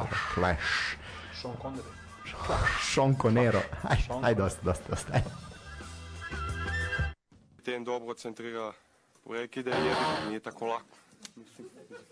Izvinite. Izvinite, izvinite, izvinite. Slučajno je em- emocija, emocija radi.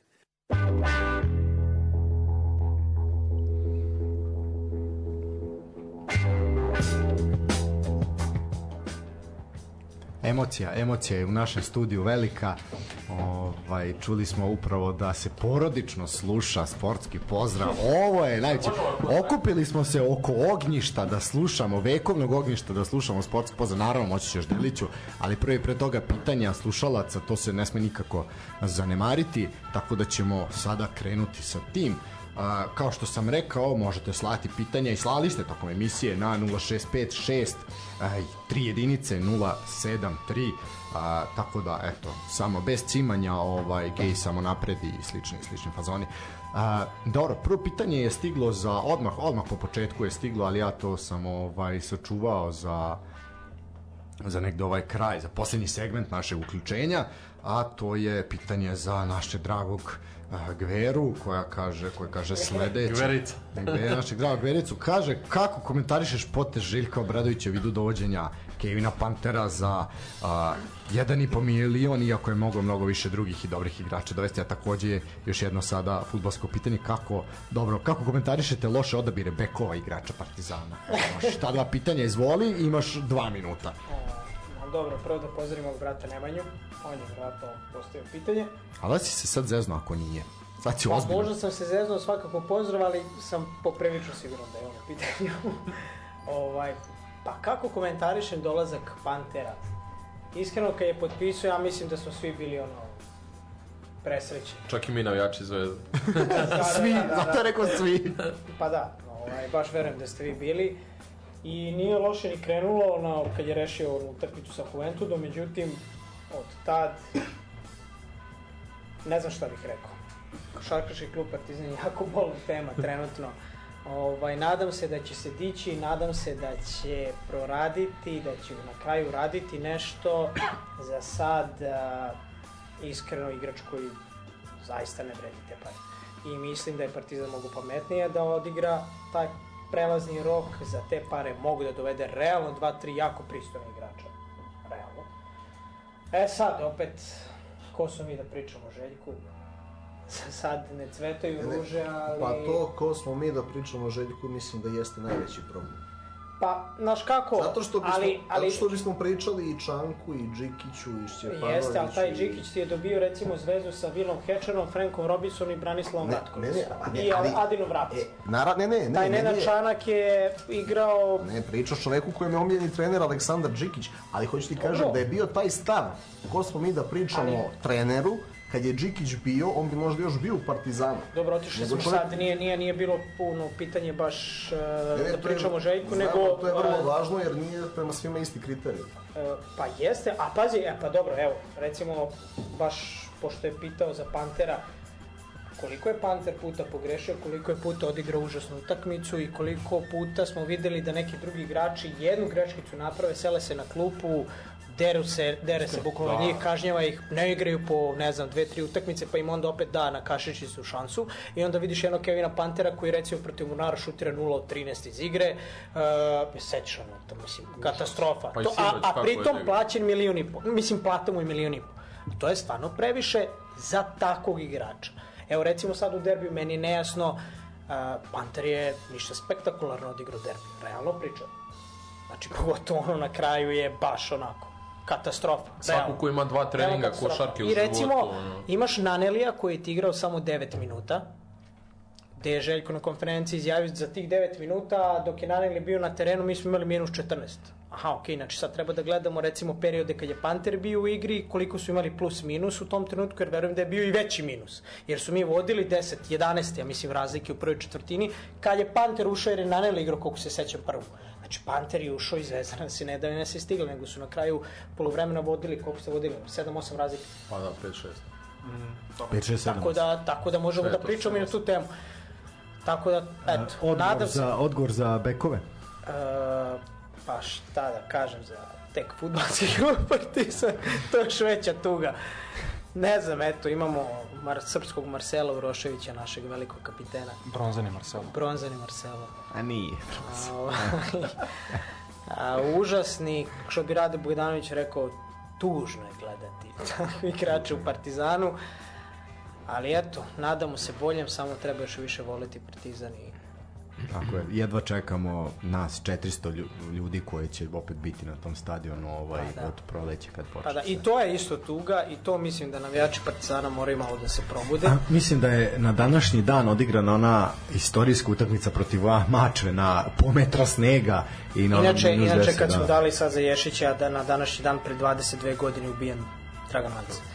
O, Haris, A, Haris Brkić, Haris Haris Brkić, Dragan da. Bože me sačuvaj. Da. Haris Brkić, tako da... Ovaj, I još uvek se ne zna ko je počinio. Još uvek se ne zna, nažalost, ko je ubica.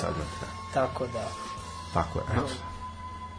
Slobodno bude. Nadam se, ne, nadam se samo ono što sam hteo da kažem, da će se malo navijači Partizana trgnuti, probuditi, jer mi nemamo drugi klub, mi nismo navijači rezultata, nikad bili, ovaj, pa nismo, realno. Bojim Voli, se voli da svako da bude prvi, ali gotovo u posljednjih 10 godina nismo baš često prvi, nažalost. Ovaj, tako da moramo malo da se trgnemo, a, moramo da podržimo klub i moramo rekao malo da se nećete suprotstavimo biti. ljudima. Nećete ni biti, da. E, da. Pa ne, ali- Da, ali, ali- da ne bi bila ta priča upravo ovo, malo da Ali se čekaj, trgnemo. vidi, objektivno sad izvini oko toga navijača i publike i generalno posete. Pa malo je žalosno koliko ljudi gleda i Zvezdu sad, koja godinama navikla svoj... Tako je, e, tako je. Znači, Zvezda je navikla da ima 15.000 neki prosek. Sad, bukvalno, Marakana zvri prazna, poluprazna. Istina, istina, a to se A- nešto sakriva. a vidi- Tačnije, ne, stavlja se van nekog konteksta i ne Pa da, priča ali, ali ti imaš, uh, imaš 3, 4, 5 hiljada ljudi na severu, istok i zapad imaju zajedno hiljadu, hiljadu i po od utakmice do utakmice, od važnosti, ali imamo slučaj, na primjer što ja moram da pohvalim, mislim da pohvalim. Ole, evo, odavde gde se mi nalazimo, imamo stadion Vojvodine, koliko je daleko. Vojvodina ove sezone ima Prosek više, 4.500 ljudi. više navijača nego To je Partizan. To je to je lepo. I, to, i, i nama u našoj ligi treba više klubova poput Vojvodine, Radničkog Kragujevca, napretka. Evo sad će Loznica. TSC. Sad će Loznica. Dobro, Hoće, Loznica, vidjet ćete, skočit će opasno. dobro, ali ne mogu, oni mislim, oni su... Oni, ne, pazi šta sam ti rekao. ali Pazi opet to nije, opet i da dođe Zvezda i Partizan sutra u Loznicu, bit će domaćin. Ne pričamo o, tome, nije poenta to. I ali posle vidjet ćeš da, da će, pa dobro, da će ne, ne, ne, skočiti u to ne želim uopšte da, da pričam o tome. Pričam ti o čisto strani gde je podrška publike. Pogledaj stadion kada radnički Kragujevac dočeka Zvezdu i Partizan. 80% ljudi navija za radnički. Naravno, U Novom Sadu kad Vojvodina igra i Zvezda, Prvi put 64 je sad, prvi put je sad protiv Crvene zvezde bilo više domaće publike nego nego gostujuće. ljudi vole te klubove, ali treba da se vrate na stadion. Ok, slažem se, mi o tome pričamo, evo, da se vrati? 100 je, e, e, e, e, bravo, mi o tome pričamo, evo, 111. epizoda pričamo o tome da e, morate imati čime da privučete čoveka da dođe na stadion. Znači, a, prvo i pre svega, stadion Karadžiđe nema sređene WC. Znači, to je prvi problem. Nema ni stadion Partizana. Nema stadion. ne daj Bože tamo Kriminal, onaj ne da A, baš nikome. Moje pitanje je svakome ovde ko je došao, a da je uposlenik kluba bilo kog Superligi, da bilo šta prati sve. Da li biste, da li bi ti, Đorđe Gvero, odveo svoje dete na stadion Jugoslovenske narodne armije? Da li bi odveo svoje dete da dete traži da piški, da ti traži da pije, da jede, da, da se Pazi, brineš za ne, njegovu ne, bezbednost? nezahvalno je to da me pitaš, ja bi ga sigurno odveo i odvešću. Naravno, to je što se tiče emocije, ali realno, da li taj, da li taj uh, infrastrukturni objekat to ispunjava? Nijedan naš infrastrukturni... Sem te- Sem te- dobro, te- TSC, sem da, TSC, TSC i... Pa i stadion Voždovca, iako mu je prilaz takav kakav jeste, ali ima neke sadržaje opet koji... Pa dobro, to je opet malo... ali, o- drugačije. ali da kažemo da je Kao liči na nešto, mislim. Jeste, ne, nema šta, nema Nije šta. da odeš na omladinski... Znaš šta je da najveća tuga? Ali vidi, ali znaš šta je najveća tuga? Tu ti ima i do države. Znači, uh, kod nas, bilo gde, ne daj Bože da uđeš u WC. Realno, da li je... Jeste, da li je dom zdravlja ili da... Dom zdravlja pogotovo, e, dom zdravlja, pričamo o domu zdravlja. Mene najviše nervira, ja ne mogu da verujem da naši klubovi ne mogu, znači najprostije, najljudskije stvari samo da budu pristojne, kao što je WC recimo ili bilo šta, kao što su stepenice, kao što su stolice, ti uđeš ne želiš da sedneš na, na stolicu na stadionu Partizana Zvezde ili ajde nekom drugom, nebitno su. Da, ali evo, evo vidi, na- znači bio sam na stadionima od Subotice do Surdulice. 95% tih stadiona ne ispunjava osnovno, znači stoku tako ne bi pustio na taj stadion kako Da, su, e, to je- nije to je- ozbiljno. da, ali to je- to Ti je nemaš i u Ivanjici na tribini kad stojiš, ti, ti imaš osjećaj da ćeš propasti sa nekih metar i po dva, jer tate, to se klima. Ja ne znam, ona kaljuga prilaz, pa novo brdo, Čukarički, svaka čast tom klubu i vidi, veliko poštovanje za to što oni rade sa mlađim kategorijama, sa igračima i nekim i slično. Ali e, kakav je prilaz na Banom brdu? E, ali sad se sređuje, za vreme pauze se sređuje Da, stadion pa- na Banom Brdu, ne znam, ste videli, grubi radovi su onako, Da, bit će ali- malo ali- pristojnije, Ali kako za je bilo do sad, odeš na utakmicu i vratiš se, blato ti u očima, ono, jer, jer moraš da preroniš. Kao da si na exitu bio, a? Spašavanje, Da. redova, spašavanje redova Ivanjice.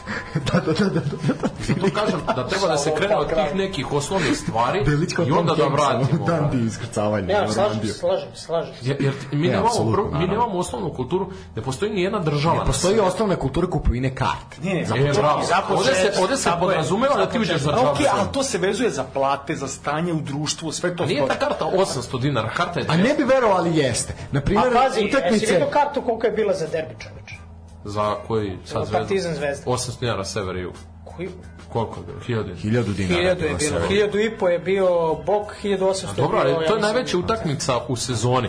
Jeli, Ne, ne, To je okej, 8 a, evra. Derbi, derbi nije merodavna stvar. Derbi nije merodavna stvar. Da, ali 8 evra ti je derbi. Ti u, idi, u Engleskoj ne možeš da gledaš petu ligu za 8 Tako je, stani, ali derbi, naš derbi nije merodavan. to. Naš derbi nije merodavan. Uzmi utakmicu, na, ne bi odveo dete na, na Partizan Crvena zvezda ili na Crvena zvezda Partizan sigurno. Znači, dete od 3, 4, 5 godina ne bi odveo na to. Uzmimo utakmicu manjeg Ete od 23 intenziteta. 4 ne bi odbio. Tako je. E, uzmimo utakmicu manjeg intenziteta. Partizan TSC. Znaš koliko je karta bila za istog bočna? 800, 800 dinara. 800. Centar 1200. To je zato što je. Partizanov E, to je upravo u cilju možda da nema ljudi. na Ali to je isto, Naravno, ali isto. to je- e, to je ovo što sam rekao. zvezde za Evropu. Ali vidi, to ti, to ti, Ali, čekaj, ja da, moram da stanem u odbranu. Vidi odmah, izvini. Ali ti ako si član kluba, ako si član kluba i ako pritom imaš sezonsku, tebe će Liga šampiona, tri utakmice, znači Liga šampiona za sever, izaći manje od 100 evra. Što nema nigde na svetu, opet da ti gledaš tri lige šampiona. To ti samim tim potiče da ti ja član kluba i da imaš sezonsku. Što, što ne bi nagradio nekog, pa ti ljudi koji hoće da dođe da gledaju samo ligu šampiona, oni ni ne zaslužuju nego da ih odereš sa 30.000 dinara cenom karata. Po meni. I, Dobro, ja slažem s tobom. Jesu ti ljudi, ne kažem da treba da dolaze, mislim, treba da dolaze svakog vikenda, ali ne kažem da je to njihova obaveza. Ali ako ćeš da gledaš, a, ne znam, Partizan, Liverpool ili Zvezda, Real Madrid, pa onda budi faca dođi na Vojvodinu, na TSC. mislim da je pa- porediti, porediti utakmice naše, naših klubova u Evropi pogrešno, kroz tiče publike. Jer Ja mislim će- samo na cenu karata. Ne, ne, ne, na jer će beogradska publika i publika naravno ljudi i navijači iz unutrašnjosti i svega doći na tu evropsku utakmicu jer će 70% stadiona doći zbog tog protivnika koji dolazi, a ne zbog kluba. Jer ti isti navijači da dolaze zbog svog kluba došli bi na Javor, došli bi na TSC, došli bi na samo, mogu samo, mogu samo da ti izviniš. Evo, samo s rečenicu završavam. Po meni nije problem toliko možda cena karte. Po meni je problem a, sadržaj, odnosno propaganda. Znači, ti imaš konstantnu a, medijsku torturu u kojoj se nalazi naša liga, to je jedno blato koje nas zasipaju, i ne blato, nego i ono drugo izlučenje. Preteruju, hiperbolišu. Naravno, znači, ajde malo to, to je poent ove emisije, zato ona postoji 111 epizoda, jer razgrni blato, kog zaista postoji, jer se natrpava svih strana, sa svih strana, imaš ti tu pozitivne stvari. Pa možeš da odeš da gledaš TSC, pa možeš da odeš da gledaš Vojvodinu ove sezone, pa možeš da gledaš Voždovac, pa možeš da gledaš Kolubaru, pa tako dalje, pa tako. Ja savjetujem svako, vikend jedan, uputite se u Topolu, uđite na stadion. Uputite se u Lazarevac. Ja sam bio u Lazarevcu, bio sam gost Kolubare na utakmici Kolubara Mladost Lučani. Znači, možete svi smejati, ali ja sam video a, 500 dece koje sa takvim osmehom u licu, na licu i takvim žarom u očima u dresu svog kluba su došli da bodre svoj klub protiv mladosti iz Lučana. E, to je nešto što će nas sačuvati. To je nama potrebno i u Subotici, i u Surdulici, i u Ivanjici. Da, ali, ali, ali ti se. nemaš tu taj tu bazu u Ivanjici. Ivanjica ima, mislim, u, u svom poštovanju bez uvrede, ima 10.000 stanovnika i, i nema tu istoriju. Gde nam je proletar iz Renjanina? Znaš, e, ja kažem, Sombor veliki grad, Mitrovica moja, Srem. Mi, mi imamo sad ra, radnički, imamo u prvoj ligi, ljudi u Mitrovici navijaju za Srem, ljudi vole Srem, ne navijaju za radnički. Kapiraš? A gde su ti centri? Mislim, ja sad pričam o Loznici, znaš, Pirot igra treću ligu, Pirot kad je ušao u ovu drugu ligu, znači u prvu ligu, je imao 2, 3, 4 hiljade ljudi. Dinamo Vranje, da ne pričam. Mislim, na stranu sve ko, je, ko Dinamo Vranje su ubili Mađari to. da, da, da, izborima pokazano. Da, ali da ne ulazim u to ko tu se nalazi u tim klubom i sve to. Nama više treba centara i više ljudi koji vole fudbal, koji će doći da gledaju. Jer ali nama nije u interesu da. Zvezda gostuje i Partizan u Ivanjici, Lučanima i ne znam ni ja gde. Interesu nam je da gostuje negde gde je vruće, gde može da se oklizne, jer onda kad odu u Evropu i Dobro, može da se okej, sad to tvoja teorija onda dolazi do ključnog pitanja. Da li onda mi imamo prevelik broj klubova u ligi? Pa naravno. I imamo, imamo, ali vidi, samo da ti Ali kažem, kako znači, ćeš očuvati futbalske centre, izvini Đole, kako ćeš očuvati futbalske centre ako smanjiš broj klubova u ligi i izbaciš te futbalske centre? Kako ćeš ti njih onda Ja se... mogu da ti kažem odmah kako. Kako? Zato što nećeš praviti srpsku ligu grupa istok zapad, ne znam ni ja. Nema para u tome. Pa ne, ali ako bi mi smanjili profesionalni prvi, to je Super ligu na 12 klubova. U drugoj imamo isto 16, to jest u prvoj ligi, je tako? Dobro, srpski čempionšip u redu. Znači smanjimo isto na 12. Dobro. I napraviš srpsku ligu sa koja će donositi Okej, neki je sa većim da su, ti vrlo dobro znaš, da su klubovi u trećem rangu poloamaterski. Da, ali ne bi onda sad imali u trećem rangu bi imao klub koji sad igra na nivou uh, Taj klub ti bi ti se posle dve godine, ukoliko ne uđe u prvoj ligi, ugasio. To je već problem na nivou države i ti, funkcionisanja ali ti onda ne možeš, pa za, tako je zato što nemaš sponzorstvo, sponzorstvo nižih liga i ti ćeš tu, ti bi tu izgubio, izgubio te futbalske centre. To jeste odluka bila Futbolskog saveza crtica naše države da se zato liga ne smanjuje nego da ostane tako kakva jeste upravo da bi e, dobijali pare u Superligi da bi oni opstali. ko Zlatibor Čajetina, ono, koji gleda 13 ljudi. Ok, ali sad imaš slobodu Užice koja treba da uđe Sloboda jer je- treba i to nije sporno, ali je sporno Zlatibor. Mislim, sporan. oni su se tu našli u tom momentu, razumeš, opstali su zbog korone, opstali su koji Bačka Palanka i, i slične, slične priče. Bez obzira što je ono, mi imamo puno drugara iz Bačke Palanke i to je jedan lep gradić gde mi volimo da odemo i da se vratimo čitavi da nam ne izbuše gume. Ovaj, tako da, ali jednostavno je tako, tako bilo.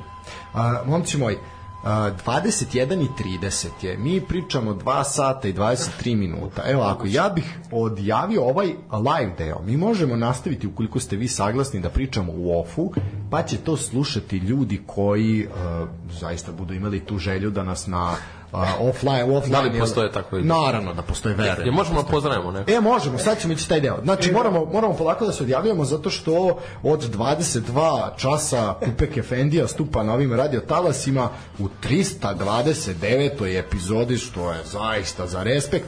Pričat će o stripovima i pričat će o stripoterapiji, o stripovima, ženama, mentalnom zdravlju i svemu tome, tako da, eto, jedan zaista, zaista zanimljivi, zanimljivi kupek kao i svaki put. Nadam se da ćemo, kad sad dođe ovi uh, božićni i novogodišnji praznici, imati... A, Samo kući. Imaćemo svakako i, i o Supermana kad se boji protiv Ćelavog i imaćemo i imaćemo i Harry Pottera i sve, ovaj, ali da ćemo imati našeg dragog Dejana ovde kao gosta da opet malo prebistrimo ovaj sve što se sve što se dešava ako Bog da da Đoković ponovo bude u kazamatu u Australiji, ovaj ali to sve to je jedna od istorijske emisija koju zaista treba poslušati. E, moji drugari, e, znači što se tiče ovog live dela, ja ću polako početi da se zahvaljujem. Vi naravno možete da, ovaj, isto da pozdravljate, Da da, Huga i Ajde, redom, slične da. priče. E, prvo ovako, ja moj moj duboki naklon što ste u ovom zaista stresnom danu za sve nas, ovaj za sve vas, ću reći, ovaj pojavili ovde, prebegli u ovu e, kao danas su rekli unutrašnjost, ali mi smo bogami spoljašnjost u odnosu na na Beograd. Uh, daći Bog drugu državu. ovaj ste došli. Sledeći put ćete tražiti pasoš tamo na naplatnoj rampi.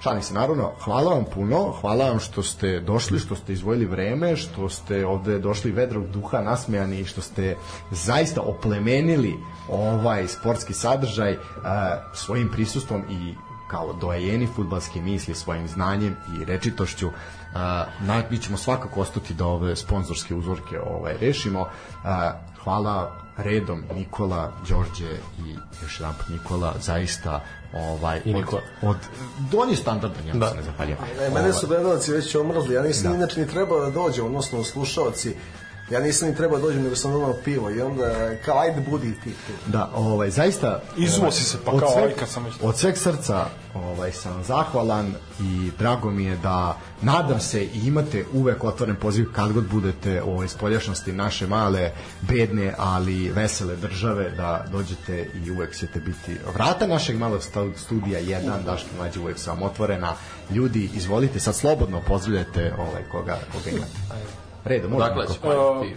može. Uh, shout, shout out uh, mami i tati koji su današnji stres, da, današnji stresni, stresni dan preživjeli sa mnom i ogromna najveći shout out čovjek koga i, i vi, vi znate i ne znam koga ovde zna i to čovjek koji mi je otkrio ovaj podcast i ono bog otac Stefan Todorović ono shout out za, za, za Stefana Todorovića ovaj, on je tu negde u komšiluku ono najviši čovjek kog, koga ja poznajem verovatno s obzirom da je on 202 203 ono, gigant.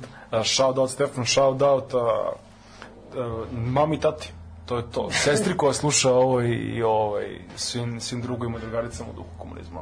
I e, hvala na pozivu. Hvala na pozivu. Ovo je bilo nikad u životu mi nije brže proletelo preko dva sata. Ovo je bilo pravo zadovoljstvo. Ali stvarno uopšte nije floskula pravo zadovoljstvo Ti meni serdar, ja tebi Vojvod. o, stigli smo konačno do toga ja Rekao, obećaš.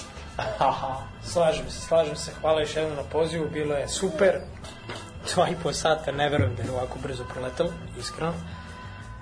Uh, a šta ću ja, pozdravljam mamu, tatu, sestru, Bojanu, Nemanju, moje, ne znam ni koji sam bio. So, Koliko mator, ja se ne sjećam koji pa, da. ovaj, i pozdrav za Duleta Vijoševića. U, ja se priključujem ovome. Nadam se da je, da je dobrog zdravlja i to je uh, mimo uže i šire familije čovjek mi, koji mi donao najviše sreće u životu. I ostavit će mi, kad će mi inače ostaviti jednu sliku iz kafane. Tako je. ja bih prvo vama da se zahvalim što ste nas pozvali i što ste nas ovako, boga mi, lepo ugostili, domaćinski što se kaže. Ovaj, onda krenem redom, prvo da zahvalim mojoj ženi koja nas je dovezla po ovom vremenu. E, da, pozdrav za Milicu, pozdrav za Milicu. Svaka čast, svaka čast. moram, ovaj, i što trenutno tumara po ovom tržnom centru. Poziv Milica da dođe shoppinguje. Onda moram da pozdravim, pošto moja brojna familija sada sluša, moram pozdravim mog tatu koji sa mojim uh, kumom slušao ovu emisiju, naravno Keku i Teču i Baku, uh, a i svi, naravno sve ostale prijatelje, uh, čak i tvog školskog kolegu Stefana koji nas sluša u ovim momentima. Ovaj, Pozdrav za Miladinova, pozdrav. tako je. A da, samo mislim da si mog te čuo za srce kad si izvređao Đoković, on je najveći fan.